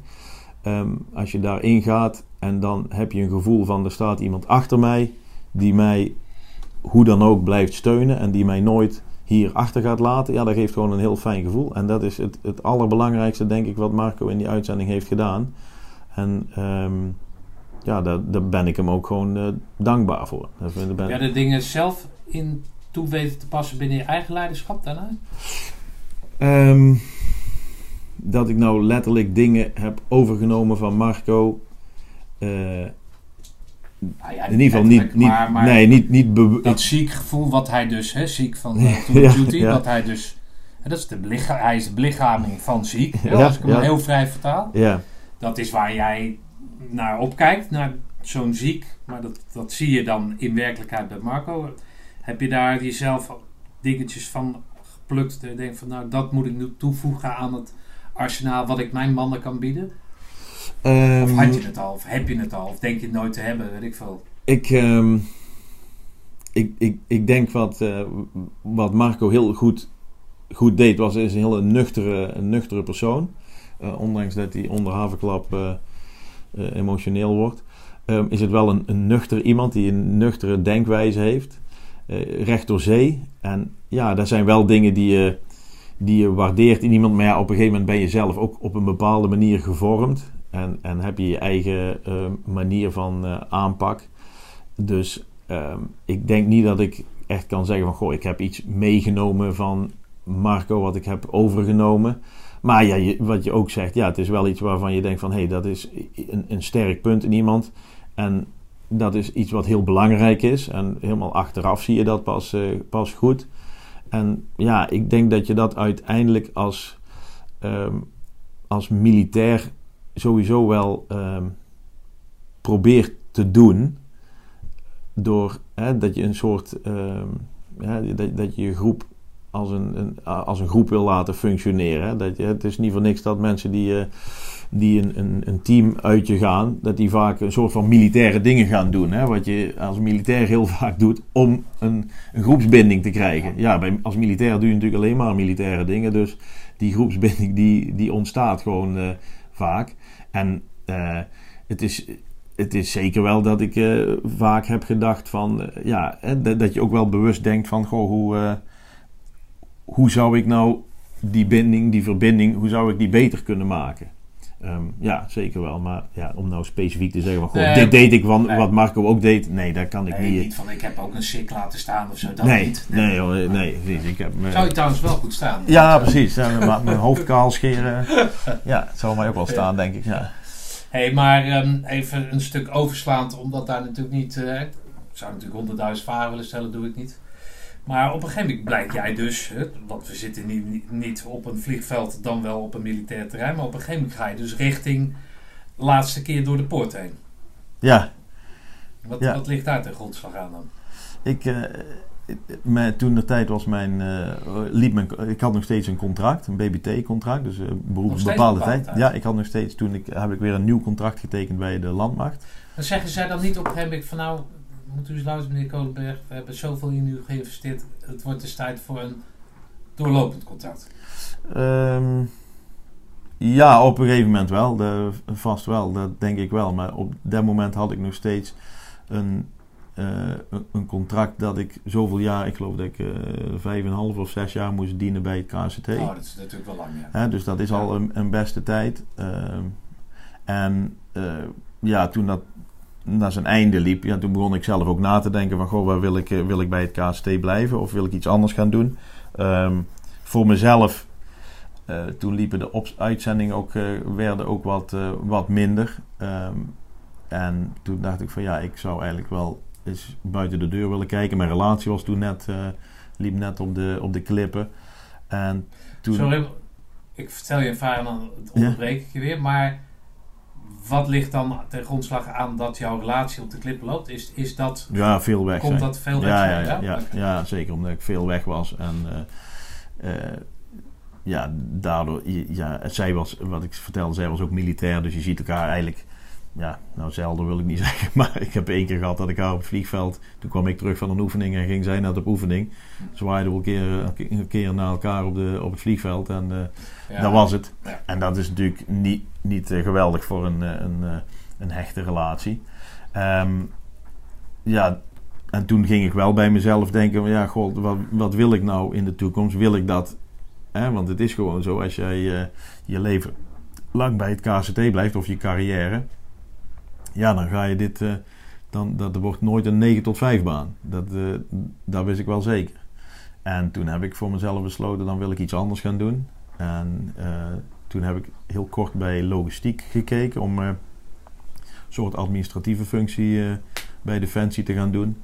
En, Dat ja. heeft Ziek later ook gedaan, hè? Oh, is dat? Ja, ja, nee joh.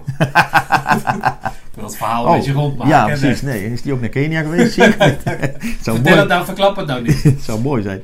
Maar, eh, Nee, maar dat, dat staat natuurlijk haaks op wat je dan toch... Of, Ja, ik, ik denk dat je, het is ook altijd iets. eh, ik, ik weet nog eens een keer dat ik onderaan een brug hing te bengelen met KCT. En toen eh, een of andere oefening. En toen was ik aan het wachten tot er zo'n boot onder me komt. En om mezelf dan eh, te laten abseilen in die, in die boot. Te laten afdalen in die boot. En toen reed er allemaal, was net zeg maar eh, half zes of zes uur. En begon net een beetje het verkeer op te komen. En toen zag ik allemaal boven allemaal die auto's voorbij rijden. Toen dacht ik, ja, dat is ook wel lekker. Die zitten daar lekker droog in die, lekker droog in die auto. Die gaan daar eh, op een kantoor zitten. En eh, om vijf uur gaan ze weer lekker naar huis. En ik hang hieronder aan die brug te, te bengelen. En toen dacht ik van ja, dat is misschien ook wel iets voor mij. En, maar ja, dat is denk ik een beetje dat je dan, als je het ene extreme doet, om het zo maar eens te zeggen. Dat je dan ook eh, wel eens ooit eh, eh, eh, met een schuin oog kijkt naar het andere extreme. Wat gewoon eh, 9 tot 5 eh, lekker eh, thuis elke dag. Ja, dat je dat dan ineens ook interessant lijkt. Dus dat heb ik toen.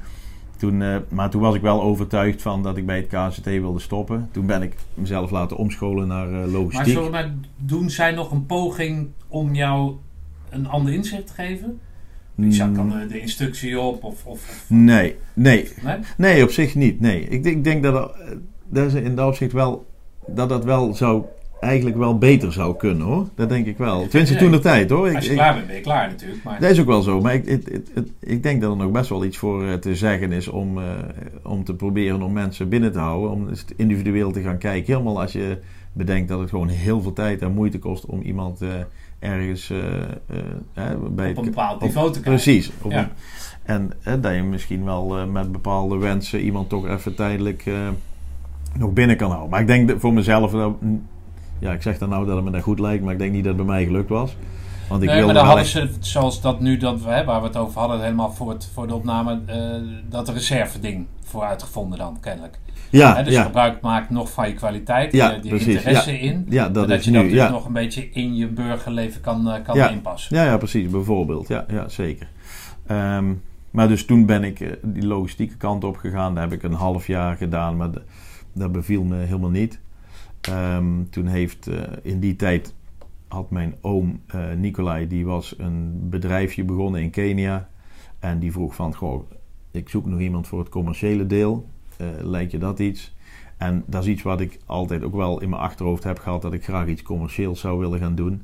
En toen heb ik dus besloten, nou dan ga ik een keer een weekje kijken in Kenia. Of me dat leuk lijkt, ben ik daar naartoe gevlogen. Samen met mijn broer eh, daar gekeken.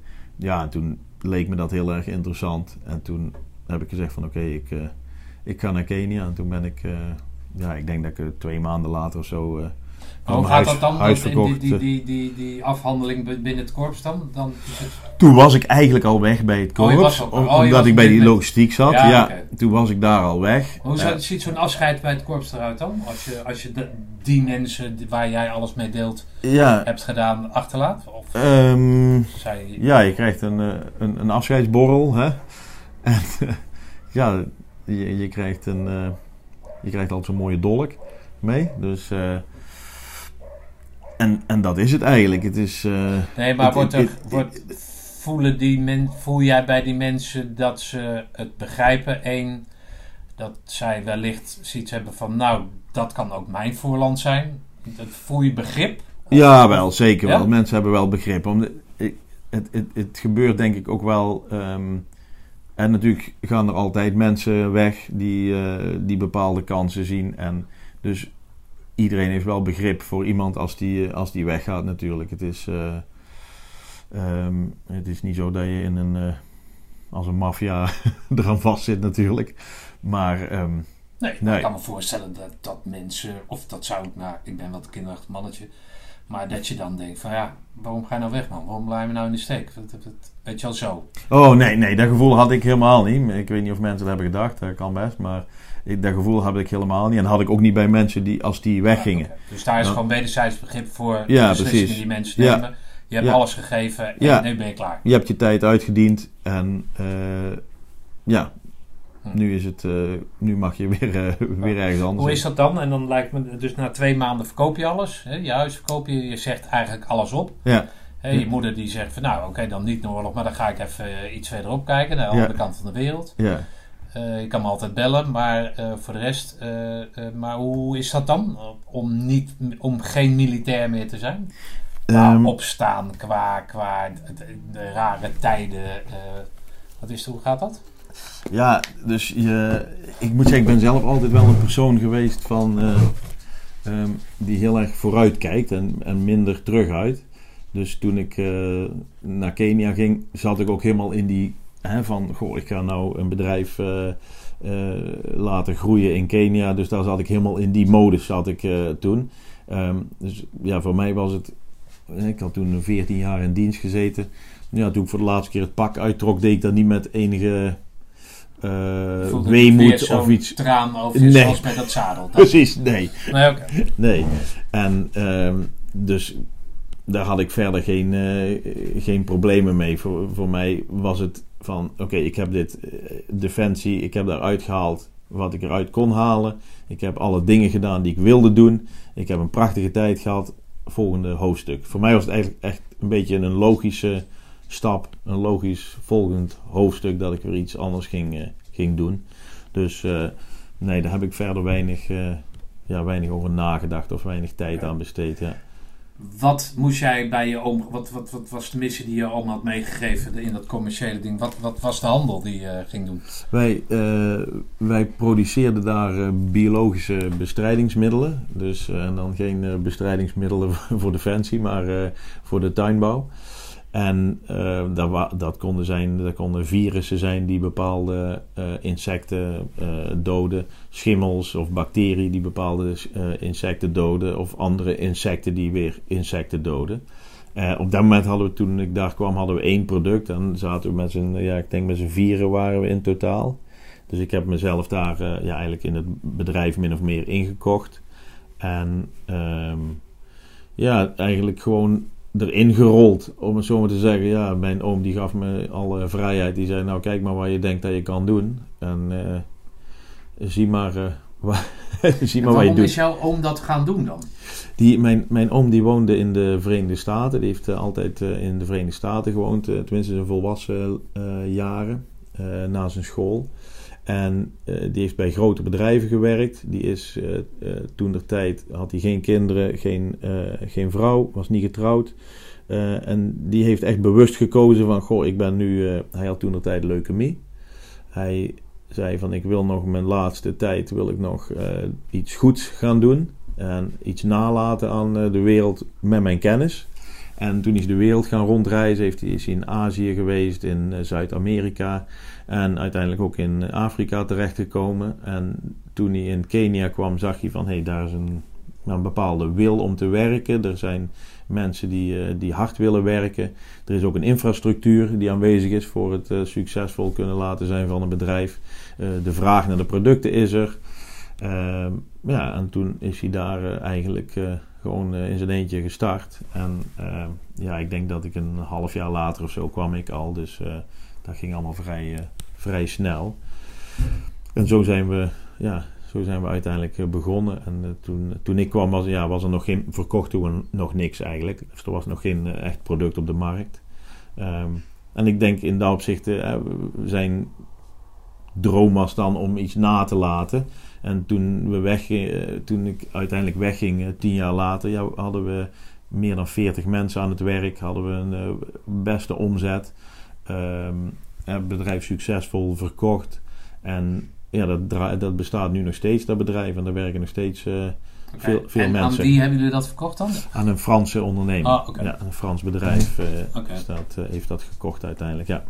Oké, maar daar heb je dus een bepaalde kennis opgebouwd. Ja. Een bepaalde levenservaring die, die enorm moet zijn, toch? Ja, ja hele mooie tijd gehad in, in Kenia. Ja, je, je doet natuurlijk aan twee kanten ervaring op. zakelijk gezien doe je ervaring op. Ook het leven in, in een compleet ander land is natuurlijk een hele ervaring. Het is natuurlijk een, een, compleet andere cultuur. En je geeft daar ook leiding aan uh, mensen die een heel andere achtergrond hebben dan jij. Die ook heel anders zijn dan uh, Nederlanders over het algemeen. Um, dat, is heel, uh, ja, dat is heel interessant. Ik heb toevallig een. wij hadden toen de tijd een antropoloog uit Nederland op bezoek. En die deed onderzoek naar ja, hoe kijken uh, Keniaanse mensen, of uh, ja, Keniaanse in, de, in dit geval, mensen naar een Nederlandse leidinggevende. Wat vinden die daarvan? En ik was heel erg benieuwd. Wat, ja, ik, ik dacht van, ja, wat vinden die? Vinden die mij streng of vinden ze mij uh, heel, misschien juist niet? ik, ja, ik was heel erg benieuwd. En wat er eigenlijk naar voren kwam, wat ze van mij heel interessant vonden, is dat ik, ze zei, ja, bij Chris krijg je nooit een tweede kans. En uh, dus als je iets fout doet, dan krijg je geen tweede kans. En ik vond dat eigenlijk heel vreemd.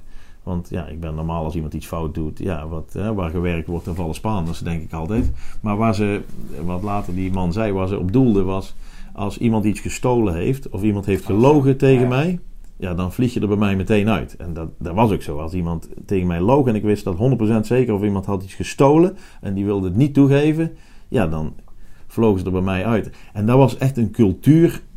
Dat was een verschil in cultuur. Dat wij in Nederland wegen daar heel zwaar aan. aan als iemand uh, niet de waarheid uh, spreekt. En daar denken ze van ja, maar hij vertelt niet de waarheid omdat hij denkt op dat moment van oei, misschien uh, wordt me anders word ik wel ontslagen. Terwijl ik al weet of iemand. ik weet het antwoord eigenlijk al wat hij moet zeggen. Maar ik weet al of diegene heeft gestolen of niet. Maar ja, toen dacht ik van hé, hey, dat is echt een groot cultuurverschil tussen Nederland en, en Kenia. En toen zat ik toch al een paar jaar dat ik me daar eigenlijk pas besefte van uh, ja, ik vond dat toen al opvallend van er werd best wel eens ooit gelogen. Dat ik dacht van hé, hey, dat Maar gelogen, dat zijn dan in de categorie leugentjes om best wil? Of, of... Uh, um, nee, ook wel wat ik zeg, dat mensen die, uh, ik heb daar mensen gehad die gewoon een, een goed salaris hadden, maar die toch nog uh, ik bedoel, eh, noem maar iets om, op bonnetjes uh, waarop staat dat iets 10 shilling kost. Die daar snel een nulletje achter zetten, zodat ze van mij 100 shilling terugkrijgen voor dat ja, bonnetje. Ja, okay, ja. Dus dat, ja, en, en dat is vanuit een bepaald opzicht wel te begrijpen. Dat mensen daar, hey, je hebt daar natuurlijk uh, geld, uh, je hebt daar te maken met familieleden die uh, misschien... Hè, achteraf kun je wel zien van, goh, maar diegene had toen de tijd een familielid die in het ziekenhuis lag, daar moesten ze geld aan, aan betalen. Maar ja, vanuit de Nederlandse cultuur ben je dan veel meer geneigd om te zeggen van, goh, vraag het gewoon aan mij. Ja, okay. en, en dat zijn bepaalde dingen. En ik, nou vind ik heel jammer, want nou lijkt het alsof ik wil zeggen, iedereen liegt daar. Want dat is helemaal niet zo. Nee. Maar ik wil alleen zeggen van, ja dat zit gewoon in die cultuur opgesloten. Nou ja, niet opgesloten, maar ja, ik, dat, dat is geaccepteerd. Dat is, dat is precies. Zoals, dat wordt wat meer. Zoals uh, uh, omkopen in bepaalde precies, landen. Ja, dat ja, hoort er nou eenmaal ja inderdaad. Daar is dat ook ja. zo. Ja, inderdaad. Uh, hè, dat, die, die, die, um, dat, dat omkopen, dat is daar ook veel meer geaccepteerd dan in Nederland. Als in Nederland een politicus, wat natuurlijk ook gebeurt, omgekocht wordt ja, dan is dat eigenlijk een, hè, is dat eigenlijk een doodsteek. Of vindt iedereen het ja. normaal als dat een doodsteek is? En daar heb je gewoon gevallen dat een politicus gewoon overduidelijk uh, omgekocht is. Waarvoor bewijzen zijn. En die wordt gewoon weer herkozen. Ja. En ja, mensen kijken... Soort als waar ik me altijd zo verbaas met een heel ander verhaal, die voetbaltrainers. Het enige moment kunnen ze er geen kut van, dus dan worden ze ontslagen. Twee weken later staan ze weer bij een andere club. Kunnen ze het in één keer wel. Ja, ja. ja precies. Maar ja. dan anders. Ja. ja. Noemen ze de leukste dingen van uh, mensen uit Kenia? Ehm, ik, ik vind een heel mooi verhaal. Ja, ik heb het jou al Nou, verteld, maar, ik maar, ik vond dat, vond dat een heel mooi verhaal. Dat ik, ik zit een aantal weken zat ik al in, eh, in Kenia.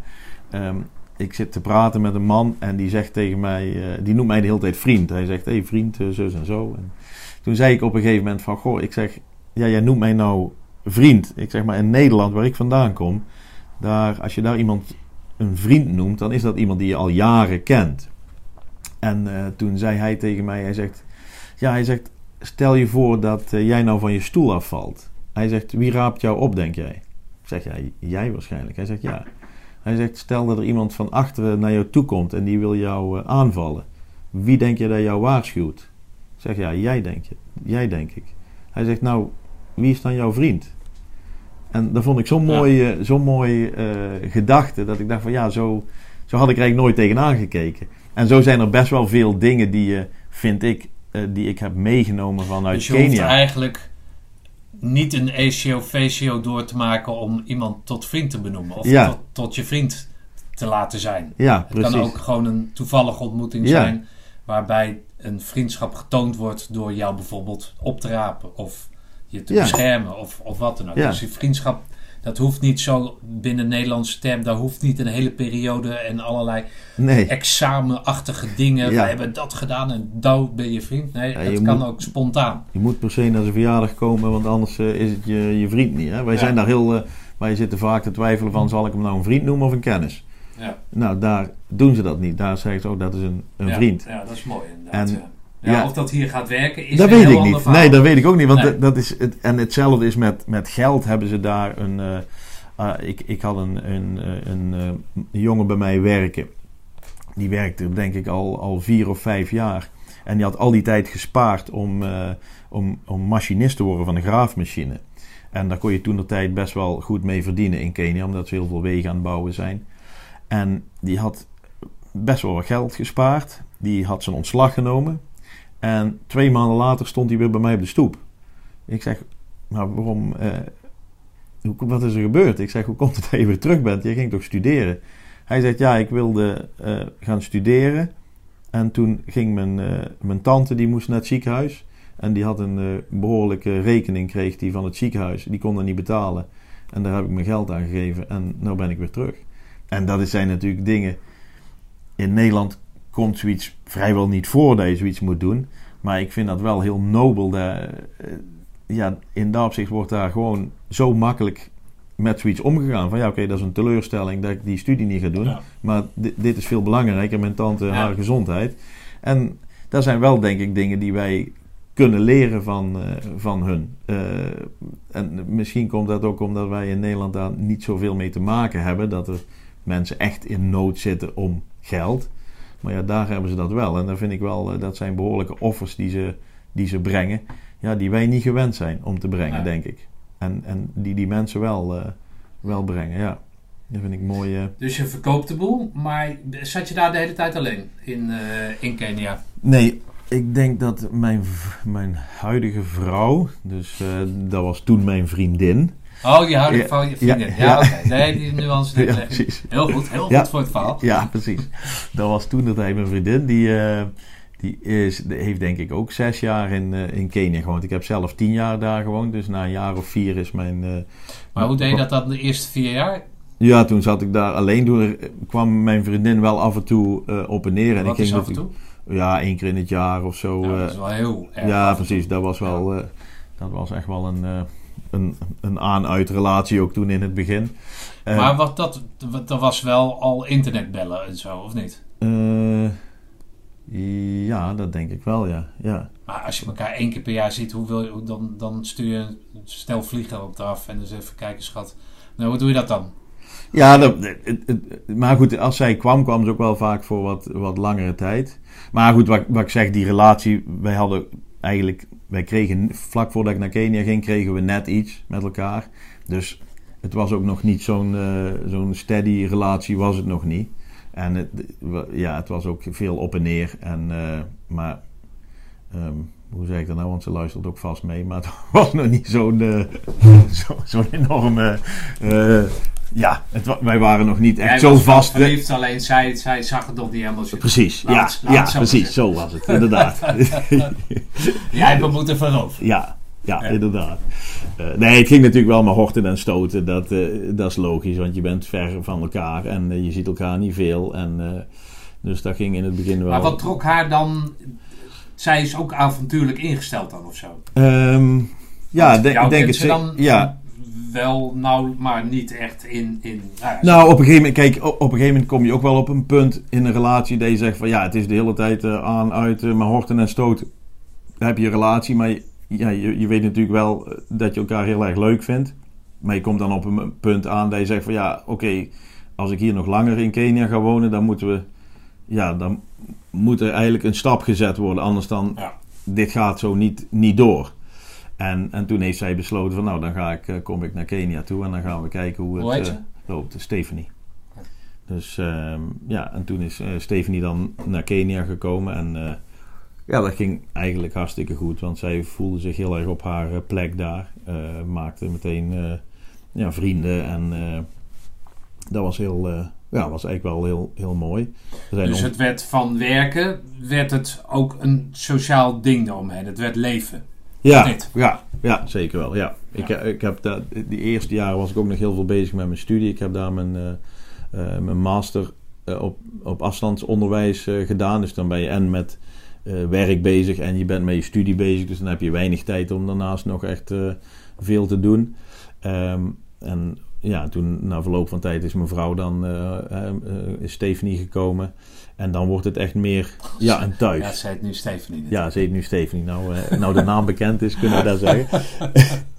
maar eh, ja, dus toen, dan wordt het ook steeds meer een, een thuis. En eh, je, je bouwt natuurlijk een vriendenkring op in, Ja. daar. En dat is natuurlijk ook heel mooi. En er zijn, dat is in dat opzicht ook wel een, een, een mooie vriendschap. In die zin dat je... ik heb daar een Nederlandse vriend nog steeds, die daar nog steeds woont. Ja, dat is... Je zit in een onbekende hè, voor jou een onbekende cultuur of een onbekende plek.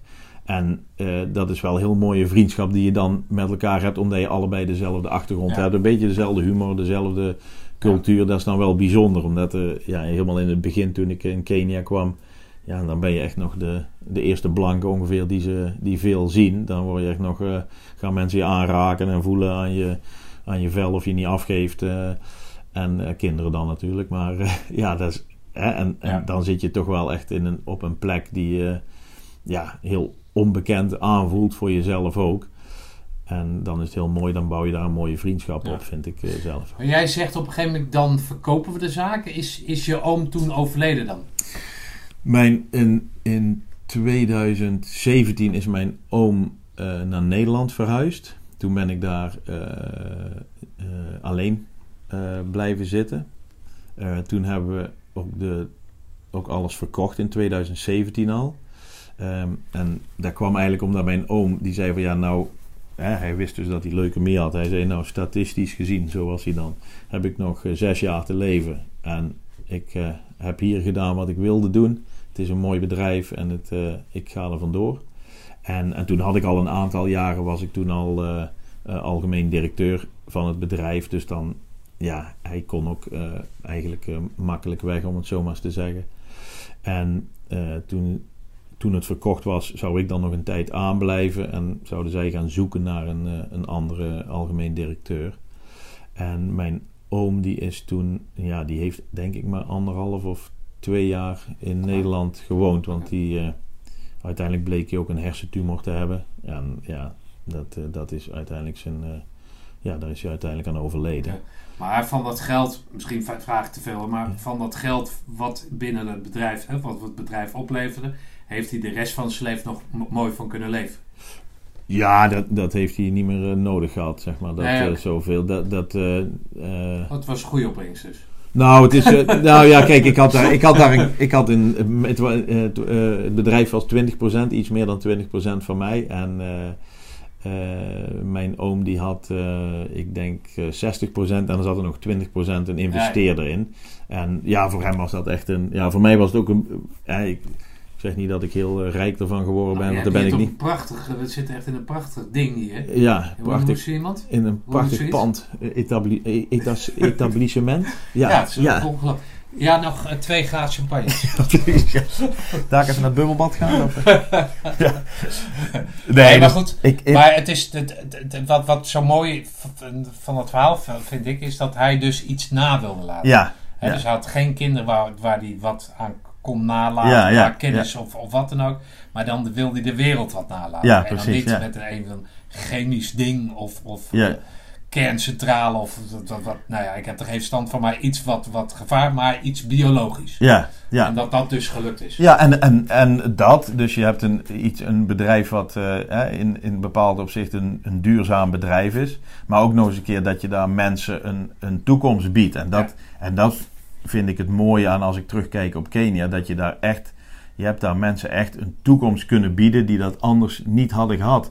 Die wel een bepaald talent hadden, maar waar dat nooit tot uiting is gekomen. Omdat die gewoon niet de kans hebben gehad om dat te kunnen doen. Ja. Ehm, ja, dat, daar vind ik hele mooie dingen. Gewoon mensen die ik nu nog eens nog ooit spreek uit Kenia, die een bepaalde carrière hebben, die of nog bij het bedrijf werken of naar een ander bedrijf zijn gegaan, maar die die carrière hebben omdat dat bedrijf daar toen gestart is door mijn oom hè, en dat we samen hebben uitgebouwd. Ja, dat vind ik geweldig mooi om te zien. Dat die, en die zijn daar nog steeds dankbaar voor. Die zeggen nog Ja. steeds van ja, dankzij jou heb ik nou een, een, een goede baan, heb ik een eigen huis, heb ik een auto, kan ik mijn kinderen naar een goede school sturen. En dat vind ik heel erg mooi, die, die dankbaarheid. En dat is iets waar je, denk ik, in, eh, in Nederland was dat veel moeilijker geweest om natuurlijk zulke, Ja. zulke verschillen te maken. Hè? Ja. Dat is, eh, Nou, zijn er verschillen, hè, die hebben het uitgelegd tijdens, het, eh, tijdens de lunch, maar zijn de verschillen daar zo intens groter dan hier? ja, Dat, dat, dat die dankbaarheid daar wat makkelijker precies. tot je komt dan hier. Ja, ja, je en je kunt, moet je echt heel wat doen, willen mensen jou bedanken. ja, wil je echt een verschil kunnen maken in Ja. iemand zijn leven, ja, dan moet je wel heel, eh, Ja, dan moet je echt hele bij- bijzondere dingen doen. Ja. En dat is daar natuurlijk makkelijker als je. Hè, ik gaf het voorbeeld al aan, als je iemand hebt die, eh, die eh, schoonmaakt in je bedrijf en die later eh, zich opwerkt tot eh, salespersoon en eh, een, een eigen auto heeft, een, een eigen huis, kinderen naar een privéschool kan sturen. Ja, dat is natuurlijk een enorm verschil. Dat Ja. je van net, net rond kunnen komen, net eten bij elkaar kunnen scharen, naar echt iets Ja. aanzien hebben binnen je familie en je kinderen een toekomst kunnen bieden die later kunnen gaan studeren. Ja, dat Ja. Zijn, zijn hele mooie dingen, denk ik.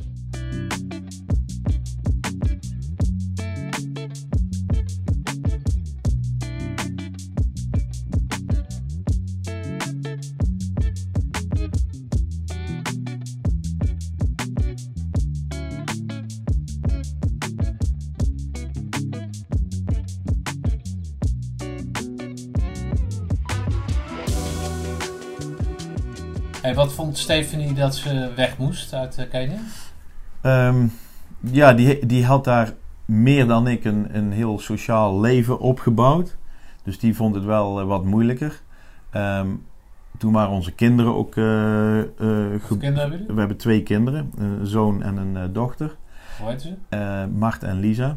En ja, toen begon Mart ook een beetje bij de, de leeftijd te krijgen dat je ehm, ja, na- aan de school moet gaan denken. Jezelf moet gaan inschrijven voor, eh, voor de kleuterschool. En ehm, ja, mijn vrouw die was ook wel overtuigd van, ja, nou komen opa's en oma's af en toe kijken. En dat is super leuk, want je hebt dan natuurlijk in tegenstelling tot in Nederland bezoek, daar komt eh, een uur of twee uur.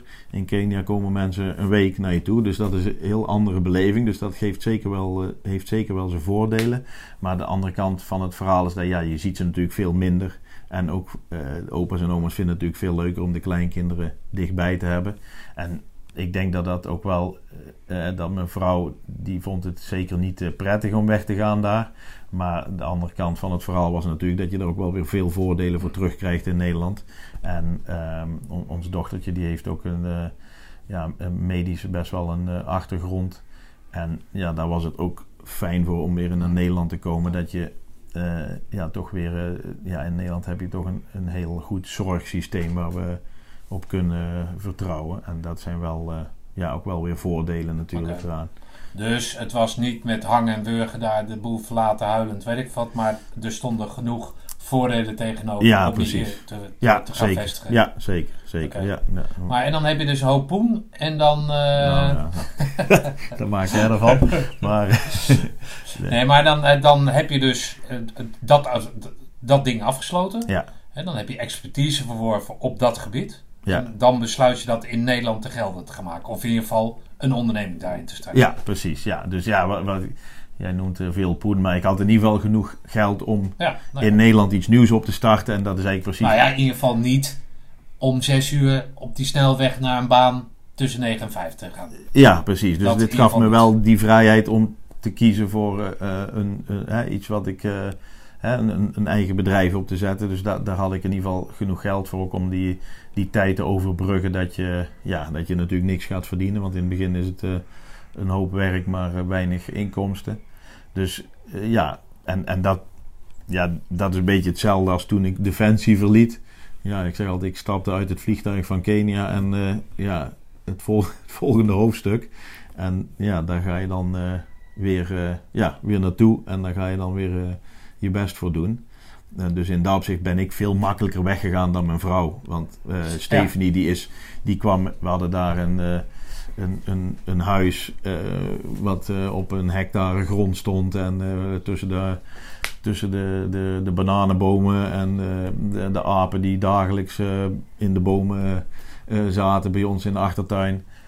En altijd zon, altijd mooi weer. Ga je in één keer eh, hè, naar, eh, naar een, een, een, een, een dorpje in, eh, in Nederland. Waar je allemaal veel dichter op elkaar woont. Waar mensen weer, ja, toch weer heel anders zijn dan in, Ja, in je hoeft Kenia. mij niet te vertellen. Ja, en Ja. dus voor haar was dat een, een grotere shock dan voor Ja, mij. Want ja, ja. het, is- en dat is denk ik ook wel ja, een beetje waar we het eh, over hadden in het begin met het KCT. Je, je gaat op uitzending en voor het thuisfront is het heel anders dan voor jou. En dat is ook in dit geval zo.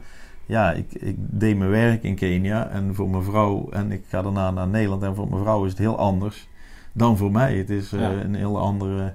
Zij heeft daar eh, ja, misschien wel eh, meer last van dan, dan ik. Wat, vindt, wat vindt zij leuk aan jou? Poeh, moet je haar vragen. Dat durf ik echt niet te zeggen. Nee, ik denk dat ik... eh, ja, zou ze leuk vinden aan mij? Goeie vraag. Ehm, ik denk wel dat ik ehm, stabiel ben. In die zin dat ik eh, niet snel eh, van mijn stuk te brengen ben. Ehm, ik denk dat ze daar wel in mij aantrekt. Dat ik gewoon een ja, stabiele factor ben. Ik ben... ik denk, eh, ja, jee, een goede vraag. Daar heb ik nooit over nagedacht. Stefan, wat, iemand, wat vindt iemand leuk aan mij? Eh, Ik ben natuurlijk vreselijk knap. Dat Ja. is, ja, dat Ja, is, dat ik denk misschien dat het wel nummer jammer dat het een podcast is. Hè? Ja, maar dat, ja. ik ben gewoon ontzettend knap. Ja, dat is denk ik de hoofdreden. Ehm, misschien een stukje humor, denk ik dat ze wel kan eh, waarderen. Ehm, tja, voor de rest moet je het dan En wat heeft vragen. zij wat jij niet hebt? Wat, waarin vullen jullie elkaar? Ik denk dat, hè. Ik, ik ben heel, eh, eh, heel stabiel. Ehm, mijn vrouw die is, eh, Is labiel. die is compleet labiel. Sorry Stephanie, dat proberen we eruit te knippen. Ik denk Ja. niet dat het lukt, maar nee, maar zij is, ja, dat, dat is wel iets wat zij, hoe zeg wat, wat zij nodig heeft. Ook wel een, een stabiele factor, denk ik. Iemand die ja, niet zo heel snel van, eh, van zijn stuk te brengen is, om het zo maar te zeggen. Ehm, zij is heel erg sociaal. Heel, eh, ja, niet dat ik eh, asociaal ben, maar ik ben niet per se. ik ben niet het type dat bij de buren aanklopt en of een, een koffieclub opricht of in de oudervereniging gaat. Of eh, bij de natuurvereniging. Nou, mijn vrouw is dat allemaal wel. En die, eh, eh, dus dat houdt elkaar goed in even. Ja, Dat precies. Volgt elkaar goed aan. ja, precies. En dat vind ik ook heel mooi. mooi in haar dat zij zulke dingen doet. dat ze een, een jeugdvereniging opzet van de, de IVN, van de natuurvereniging in, in Hezen. Ja, dat organiseert ze dan. Ja, en, en ik ben veel meer, ja, als het geen geld opbrengt, dan, dan, doe, dan doe ik het niet. Dat is, eh, ja, en dat is, Nee, maar haal, je, haal jij je kinderen wel eens op van school? Hoe oud ja, zijn ja, ze eigenlijk? zijn eh, zeven en eh, vijf. Oh, dus ze willen nog opgehaald worden. Ja, ja, Ja, zeker. oké. Ja, ja. Kijk, goed. ja, Nee, oké. Dus, dus daarin vullen we elkaar aan. ja. En, en dat maakt... Nou ja, ik denk dat, dat een buitenlandse ervaring, al- en of het nou Kenia is of Vlieland, maakt me niet uit. Maar dat dat met z'n tweeën op elkaar aangewezen zijn, dat dat wel een band schept, toch? Ja, zeker wel. Ja, tuurlijk. een band Ja. dan dat je hier eh, om eh, vijf uur thuis komt en weet dat je morgen de- om negen uur op je werk moet zijn. Ja, ja, ik denk wel dat dat bij ons een, een, natuurlijk een, een band schept. Want je, en het is ook meteen een hele goede test. Hè? Ja. Als je daar in Kenia met elkaar kan leven, dan kun je het waarschijnlijk in, in Nederland ook wel. Want je bent daar toch ja, meer, eh, zit je meer op elkaar dan, eh, dan eh, in, in Nederland. Ehm, maar ja, ik, ik heb dat, dat, dat schept zeker een, een band. Maar ik moet zeggen, bij ons wat ook wel een, een rol speelt, vind ik, is wat ik net vertelde, on- ons dochtertje, daar hebben we best wel veel mee meegemaakt. Ja, dat schept ook weer een, een, Kan je een, een sterke... zeggen wat, wat, wat Ja, zij heeft een, een, een. Zij heeft eigenlijk het tegenovergestelde van iemand die diabetes heeft. Dus iemand die diabetes heeft, die maakt eh, te weinig insuline aan. Ons dochtertje die maakt eh, te veel insuline aan, waardoor je bloedwaardes, eh, je suiker in je bloed heel snel daalt. En ja, in het, de, in, in het begin wisten wij dat niet, dat ze dat had. En toen heeft ze daar, heeft ze ook, daardoor is ook, ja, dan kun je wel eten. Maar omdat je zoveel insuline aanmaakt, daalt, daalt je suiker in je bloed. En dat geeft weer beschadiging. Daardoor heeft ze ook een beschadiging in haar hersenen opgelopen. En eh, ja, dat uitzicht nu in een leerachterstand. En eh, ook in eh, epilepsie. En ja, dat zijn wel, ehm, ja, als ouder hè, van een kind die, ja, die medisch ja, moeilijk heeft. En waarvan je weet, ja, daar ga je later ook, eh, ja, daar gaat ze later ook last van eh, krijgen, van ondervinden. Ja, dat vind ik ook wel, dat maakt je als, eh, als paar ook wel sterker, denk ik. Misschien ook bij sommigen juist niet. Ik kan, ik kan me ook voorstellen dat er op een gegeven moment relaties daardoor op de klippen lopen. kan ik me ook wel voorstellen. Maar ja, ik heb het gevoel dat bij ons dat we ons juist ja, sterker heeft gemaakt. Als, en, en dat je dat, als je dan over verbindende factoren hebt, dat dat ons ook echt eh, ja, verbindt. Misschien ook wel een beetje te vergelijken met als je op uitzending bent geweest Ja, met, eh. Ja. met je collega's. Dat je, eh, dat je met elkaar bepaalde dingen hebt meegemaakt die je samen hebt doorstaan. Ja, dat je daardoor ook een bepaalde binding krijgt die misschien iemand anders die een collega heeft van Defensie waar die niet mee op uitzending is geweest, waar je dat niet mee hebt. Ja. Dat je die, die soort binding daar niet, eh, niet mee hebt. En dat Heb, dat, heb je, maken jullie zorgen om? Want je geeft aan dat, het, dat ze daar later dan ook last van zal Ja, krijgen. Ja, ja, dat, Maak je er zorgen? Dus ja, is dat zeker, iets wat, wat, wat door je hoofd speelt de ja, hele ja. tijd? ja, dagelijks. Ja. Oké. Dat is zeker iets wat dagelijks door je hoofd eh, speelt. Ja. Eh, ja, ik zeg altijd, daar ga je mee naar bed en daar sta je mee op. En dat is iets waar je niet. eh, Maar kan je, verwijt je, verwijten jullie jezelf daar iets in of zo? Omdat je Eh. zegt dat we dat niet wisten, maar dat kon je niet weten? Of, Nee, je, ehm, ehm, je kunt dat niet. je kunt dat van tevoren wel weten als je dat laat onderzoeken. Maar Ja, je hebt 1 op de 50.000 ja. kinderen die hebben dat. Dus ja, dat, dat wordt gewoon niet, niet gedaan. Ehm, ja, het- het, is iets waar je natuurlijk aan denkt van had ik maar. Ja. Dat is 100% zo. Je, je denkt van, hè, en dat is nog iets wat je gewoon eh, vaak denkt van, goh, als ik toen maar had geweten of als ik toen maar dit had Maar gedaan. hetzelfde, sorry dat ik het- maar hetzelfde als wat ik met mijn faillissement heb.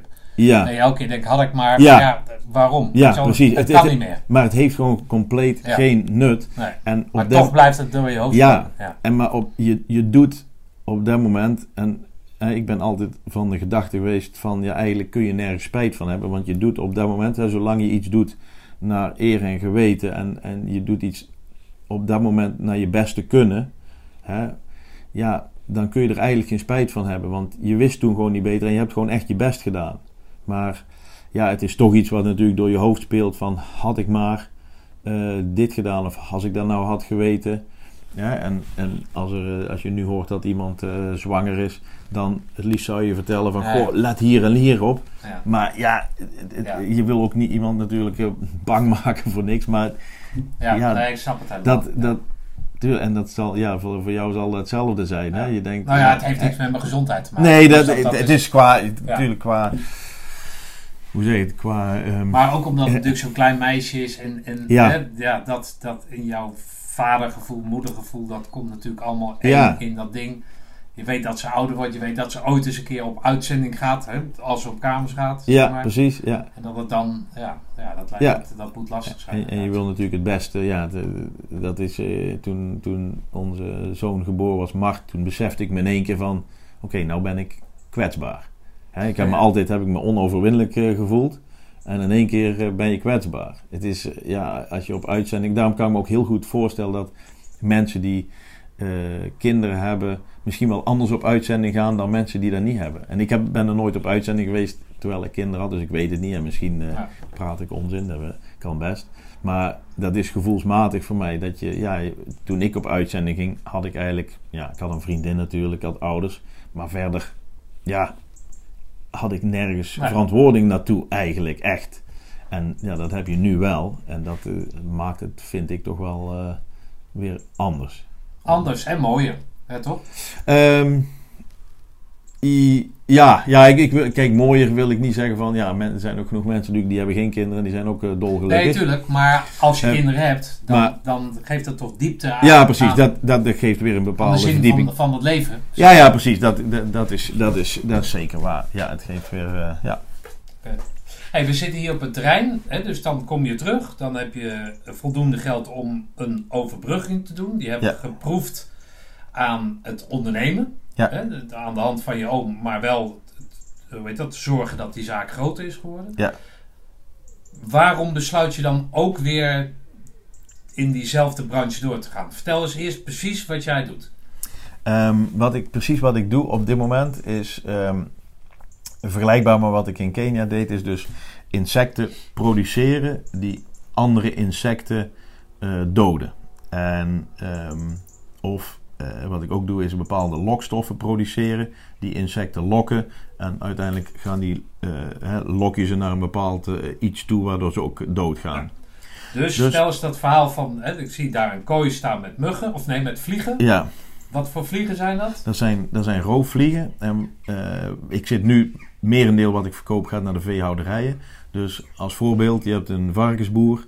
Die heeft een put met daarin eh, mest. Waar die varkens dus allemaal eh, zijn behoefte in doen. En in die put, daar komen ook een hoop huisvliegen op af en stalvliegen. En die gaan daar eh, eitjes leggen. Daar worden larven, daar worden poppen en daar worden weer vliegen. En daar hebben die, heeft die boer last van, daar heeft de omgeving last van. En die varkens hebben er ook veel last van. Dus die boer die wil van die vliegen af. En wat hij dan kan doen is, dan kan hij bijvoorbeeld chemicaliën spuiten of in de put gooien. Maar een alternatief is een biologische oplossing en dat is wat wij bieden. En dat is dat je die roofvliegen die wij kweken, die zet je in. Eh, die verkopen wij dan in een, in een eh, doosje in een vorm van een pop. Dus dat is dan nog geen vlieg eigenlijk. Dat is een, een larf die net eh, die zich eigenlijk bezig is met de metamorfose naar een vlieg. Naar een volwassen vlieg. En zo verkopen wij die. Die hangt die op. En op het moment dat die volwassen roofvlieg eruit komt, gaat die eitjes leggen op plekken waar ook die stalvlieg en die huisvlieg zijn eitjes heeft gelegd. En die larven die daar weer uitkomen, die zijn vlees eten. Die gaan op zoek, die roven eigenlijk eh, naar de huisvlieglarven en naar de stalvlieglarven. En zo vermindert het aantal eh, stalvliegen en huisvliegen in een, in een stal. Ehm, dus dat is op dit moment, dat is een beetje het verschil tussen Kenia en nu. Is dat ik in Kenia eh, ging bijna alles naar de tuinbouw. En nu heb ik me veel meer gericht op, op de veehouderijen. Ehm, het mooie aan de veehouderijen op dit moment is dat die zitten nu net in diezelfde fase waar de tuinbouw in zat toen ik in Kenia begon. Dat is dat eh, biologische bestrijding is nog steeds heel klein en nog steeds heel nieuw. En daar vind ik ook wel heel mooi aan. Dat je nu, ja, kun je mensen echt nog overtuigen om van een chemische aanpak naar een biologische aanpak te gaan. En, eh, en het is ook door regelgeving komt dat dadelijk ook steeds meer dat dat eh, verplicht wordt. Dat je op een gegeven moment ja, er niet meer, aan, ja, er niet meer onderuit komt om biologisch te gaan eh, bestrijden. Dat is nu al met, met ratten en muizen is dat zo bij boerderijen. Dat wordt steeds meer beperkt. En ja, ik ben ervan overtuigd dat over een aantal jaren dat het ook zo is met, met vliegenbestrijding. Is het een, een, een, eh, zakelijk een verstandige beslissing voor jezelf? Ja, dat denk ik wel. Of zit daar nog risico in dat jij denkt van ja, als die boeren, er is veel te doen met die boeren nu. Ja, er zit natuurlijk, er zit natuurlijk altijd... Voedselproductie in het Ja. algemeen. Het, het is natuurlijk de, altijd als je een onderneming begint en helemaal in eh, die, eh, eh, ik noem eens even niet de reguliere hè, business. Gewoon innovatief. ja, precies. niche, iets, wat, iets wat anders is, ja. inderdaad, in, in een niche. En je zegt het goed. Dan zit er natuurlijk altijd risico aan. Want eh, m- wie zegt dat er dadelijk niet iets uit wordt gevonden. Dat eh, vliegen in één keer geen probleem meer zijn in, eh, eh, in stallen. Hè? Ja. Ehm, dat zou zomaar kunnen. En ja, daar zit natuurlijk een risico in. Ehm, ik denk wel dat je dan mogelijkheden hebt om links of rechts nog ergens anders uit te stappen, naar, naartoe te, te gaan. wat toch met insectenproductie te maken heeft, maar misschien niet per se met de veehouderij. Eh, dus in dat opzicht zie ik nog wel, eh, eh, zie ik daar risico nog niet zo heel groot in. Ehm, maar ja, het blijft natuurlijk, ja, je hebt veel geïnvesteerd, er is veel geld ingegaan, er is heel veel tijd ingegaan. Dus ja, als dat op een gegeven moment toch niet blijkt te werken, dan is dat wel, wel heel Maar jammer. heb jij een plan B? Of ben je zo overtuigd van het feit dat plan B niet nodig is? Nee, ik ben dusdanig lui dat ik plan B niet heb, plan B niet heb gemaakt. Eh, ja, ik, ik, nee, ik ben er wel eigenlijk zo. Ja, dat is net een beetje als toen ik naar het KCT ging. eh, toen had ik niet zo van: Goh, wat ga ik doen als ik nou uitval? Nee, de, Ja, eh, ik, is dat, dat verstandig? dat had ik niet. Ehm, ne- nou, ik denk dat het op zich natuurlijk nooit slecht is om erover na te denken. Van de andere kant vind ik het ook wel een bepaalde, lijkt het me ook wel op een bepaalde manier goed. Omdat je dan compleet die focus Gewoon Op één dat- focus op één op ding. plan A hebt. En dan ga je ook echt voor plan A. En, eh, Nee, dat vind ik ook. Ehm, en het, het is natuurlijk, hè, je kunt eh, uiteindelijk plannen wat je wil, maar eh, ja, die, voordat een planning echt precies tot uiting komt. Ja, nee, maar ik heb, ik heb me niet verdiept hoor. Maar ik weet dat er de laatste tijd, nou niet veel te doen is, maar dat, dat insecten eten, hè, gewoon voor de, Ja. voor de ja, culinaire dingen. Ja. Dat, dat linkt zich toch heel erg aan dit. Aan ja dit, zeker. Ja, ja, dat linkt Heb zich jij heel- hier de apparatuur staan om zo'nzelfde iets op te pakken? Ja, dat, precies. Dat zou bijvoorbeeld kunnen als het dadelijk, eh, hè, dat scenario wat ik net schetste, stel dat gebeurt eh, dat, eh, dat ik mijn roofvliegen aan eh, niemand meer kwijt kan omdat er iets uit is gevonden wat veel beter werkt en, eh, en, en toch ook eh, biologisch is en wat ik niet kan eh, namaken. Ja, dan zou dat een scenario zijn dat je zou kunnen zeggen van gewoon nou insecten produceren voor, voor consumptie. Er worden ook insecten gebruikt voor... in, in de medische wereld. Ehm, ja, dus dat, dat- er zijn verschillende scenario's denkbaar wat ik dan eventueel zou, zou kunnen doen. Is dat handel trouwens, die, dat, dat culinaire met die, met die eh, insecten? Op dit moment, gevoelsmatig is die, maar ik zit daar eigenlijk niet zo heel erg in. maar maar is dat heel erg verzadigd? als- Ja, ik weet wel dat het behoorlijk aan, verzadigd aan het raken is. Verzadigd zelfs. Ja, om, en, en vooral omdat die regelgeving is nu nog heel onduidelijk. Ja. En ehm, waardoor eh, je nog niet alles zomaar voor menselijke consumptie mag verkopen. Waardoor er ja, nog steeds, er zijn een hoop bedrijven die hebben er wel op ingezet. Van, ik denk dat over zoveel jaar komt dat wel, dat het eh, voor menselijke consumptie goed wordt gekeurd. Maar die bedrijven, die, daar wordt behoorlijk veel geld in gezet. Die hebben een enorme productie. Ja, en die moeten toch die productie kwijt natuurlijk. Ehm, terwijl de vraag er nog niet is. Dus ik denk dat die op dit moment best wel, eh, best wel verzadigd is. Maar, maar ik weet dat niet. Misschien, is dat, misschien zeg ik iets eh, wat niet klopt hoor. Oké. Maar eh, voor, voor mij is dat niet iets om, om naar te gaan kijken. Nee. Doe je dit uit, uit, uit een beetje dezelfde dingen als je, als je oom? Of doe je dit echt puur voor de handel en verkopen? En eh, zou jij ook zo weer wat anders kunnen oppakken? Mm, ja, dat laatste. Ik zou ook weer Ja. zoiets anders op kunnen pakken. Ja.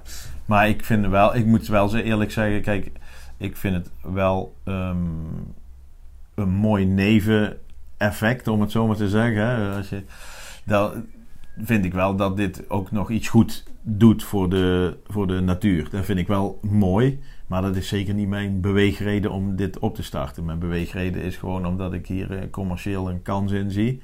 En ik denk dat dit eh, heel een, een duurzame, ook hè, bedrijfstechnisch gezien duurzaam is. Hè, dus niet, heb ik het niet per se over, eh, duurzaam voor de wereld, maar gewoon bedrijfstechnisch gezien een duurzaam bedrijf is. Dat dit wel de toekomst heeft uiteindelijk. Dus eh, ja. Jij had het over dat je nog dingen bij wil gaan bouwen. Wat, wat, wat, is jouw, wat, wat, wat zie jij als, als jouw toekomst dan? Eh, afgezien van die verkoop, maar op welke gebieden wil je nog meer? Welke markten zou je willen bestormen? Of, of binnen, binnen dat, dat, dat assortiment wat je nu hebt? Ja. Daar, wil- daar wil ik eerst eh, ook nog wat, wat breder in worden. Ik wil ook nog, zeg maar, ik wil wat in de breedte gaan en in de diepte gaan. Dus ik wil eerst nog wat meer gaan eh, verkopen gewoon van de producten die ik al heb. Dus daar moet ik ook eh, eh, wat, wat uit gaan breiden in, in productiecapaciteit. Ehm, en in de breedte wil ik gaan door ja, wel voor die veehouderijen nog wat meer producten naast voor de vliegenbestrijding te produceren. Ik wil nog wat, en daarna wil ik iets gaan doen met andere producten voor vliegenbestrijding in de zin van andere insecten. Ja, dus dat bedoel ik met wat, wat breder eh, worden in dat opzicht. En ehm, voor, eh, een, voor naar, de, naar de tuinbouw of iets dergelijks, of naar de, eh, naar de particuliere markt met andere insecten, ja, dat heeft ook wel mijn interesse. Dus ik wil hier ook nog wat andere insecten weer bij gaan kweken. Maar jij koopt die jongens, die jongens vliegen, Ja? de, Ja. dus de, de vechtvlieg, eh, Ja, de roofvlieg, ja. piraten maar op. Ja. Die koop jij allemaal in. Die expertise koop jij in. Of ben je zelf ook, Nee, dat is een zit je beetje. ook zelf vliegen te bouwen? Ja, ja, precies. Ja, ja? ja? Ik zit eh, zelf. Uiteindelijk moet je gewoon zelf proeven doen hoe je die. ah, hoe ze werken, die, eh, die, die insecten. Ja. Of ze wel werken op een bepaalde manier. En, ehm, en de kweek die zet je ook zelf op. Maar dat kan best wel waar haal je die kennis vandaan dan? Ehm, Nou, ja, die- Heb je dat in de loop der jaren? Heb je dat... eh, Ja, zeg maar het kweken, dat, dat doe je in de loop der jaren op. Maar ja, het is ook wel veel... eh, ehm, bijvoorbeeld via universiteiten contacten zoeken. Ja, ja. Ehm, ja, dat, dat moet je ook eh, doen om, om meer kennis te vergaren, inderdaad. Oké, zit daar veel subsidie op of niet? Nee. Helemaal Nee, niet? nee. Kijk, daar. hè. Ja, eigenlijk, nee, heel weinig zelfs. Ik, ik heb nog geen... eh, ik, in Kenia hebben we enorm veel subsidie gekregen. Dat je daar in een ontwikkelingsland zit. En ja, daar werd, eh, nou ik wil niet zeggen gestrooid met geld, maar daar was het heel makkelijk om eh, ergens subsidie voor te krijgen. Je zou toch En zeggen hier, dat eh, dan toch ook subsidie... Al zou het maar Europees zijn. Of Ja. vanuit een Europees potje komen. Nee, nee, heel, heel weinig. Oké, Ja. grappig. Nee, heel weinig. Oké. Helaas. Hé, hey, luister eens, wat, eh, wat is de, de, de, de, de, resumerend, maar die, die Ja. waarde van die beret? Wat, eh, waar, waar staat die beret voor jou voor? Of wat is die in jouw leven, hoe is die van pas gekomen? Of nou, nu laten allerlei dingen op los. Ehm, ik, ik denk ten eerste dat het een eh, iets is waar je altijd als mensen weten dat je dat hebt gedaan. Hè? En ja, je loopt natuurlijk niet eh, daar te koop mee of zo, dat je dat tegen iedereen gaat eh, bij een eerste gesprek gaat vertellen. Maar het is wel ooit wat iemand gehoord heeft van iemand of iets dergelijks.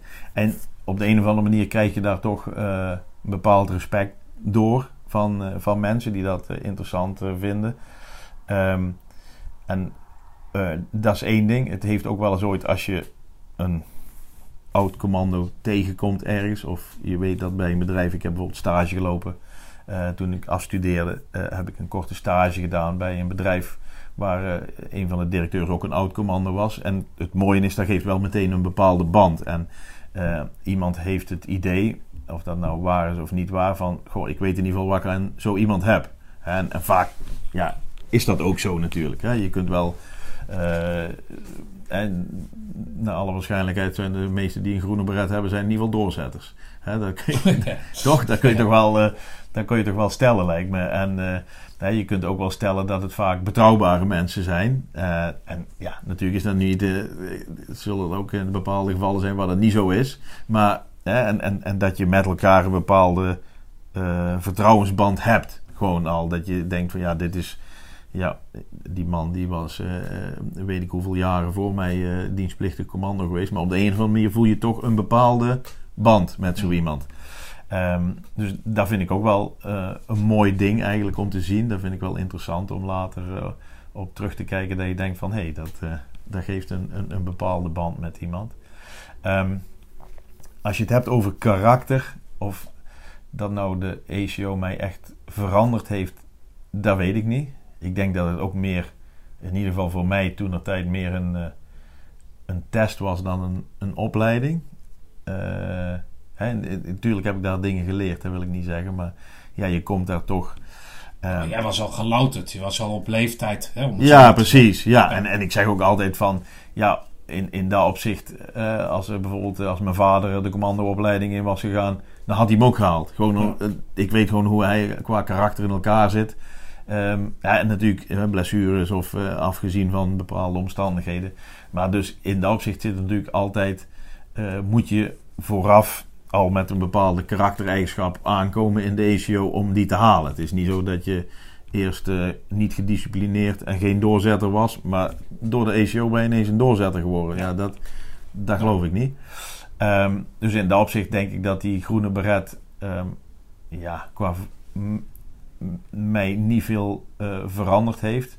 Maar wel de dingen die ik in het KCT heb gedaan, zeker wel. Ik denk als je kijkt naar de, naar, uh, uh, de, de, de, de, de, tijd die je samen doorbrengt met, met je collega's, de uitzending. Ja, natuurlijk heeft dat een bepaald effect op je, op, je, op je denken. Ook de ervaringen die je daarop op doet. Ja, dat, en het mooie vind ik ook nog eens van dat Henk Heezakkers die zei toen wij begonnen aan de ACO, die uh, helemaal in het begin, dan, toen we nog aan die AMO begonnen, sorry, die zei toen van uh, het, uh, het interessante, zei die is nou van deze hele groep die ik voor me zie staan, zullen er maar enkele uiteindelijk zo'n beret halen. Maar het mooie daarvan is, zei hij, als je dan aan die mensen die door die poort lopen vraagt, als je nou nog een keer alles zou moeten doen, zou je het dan kunnen? Die zouden allemaal zeggen ja.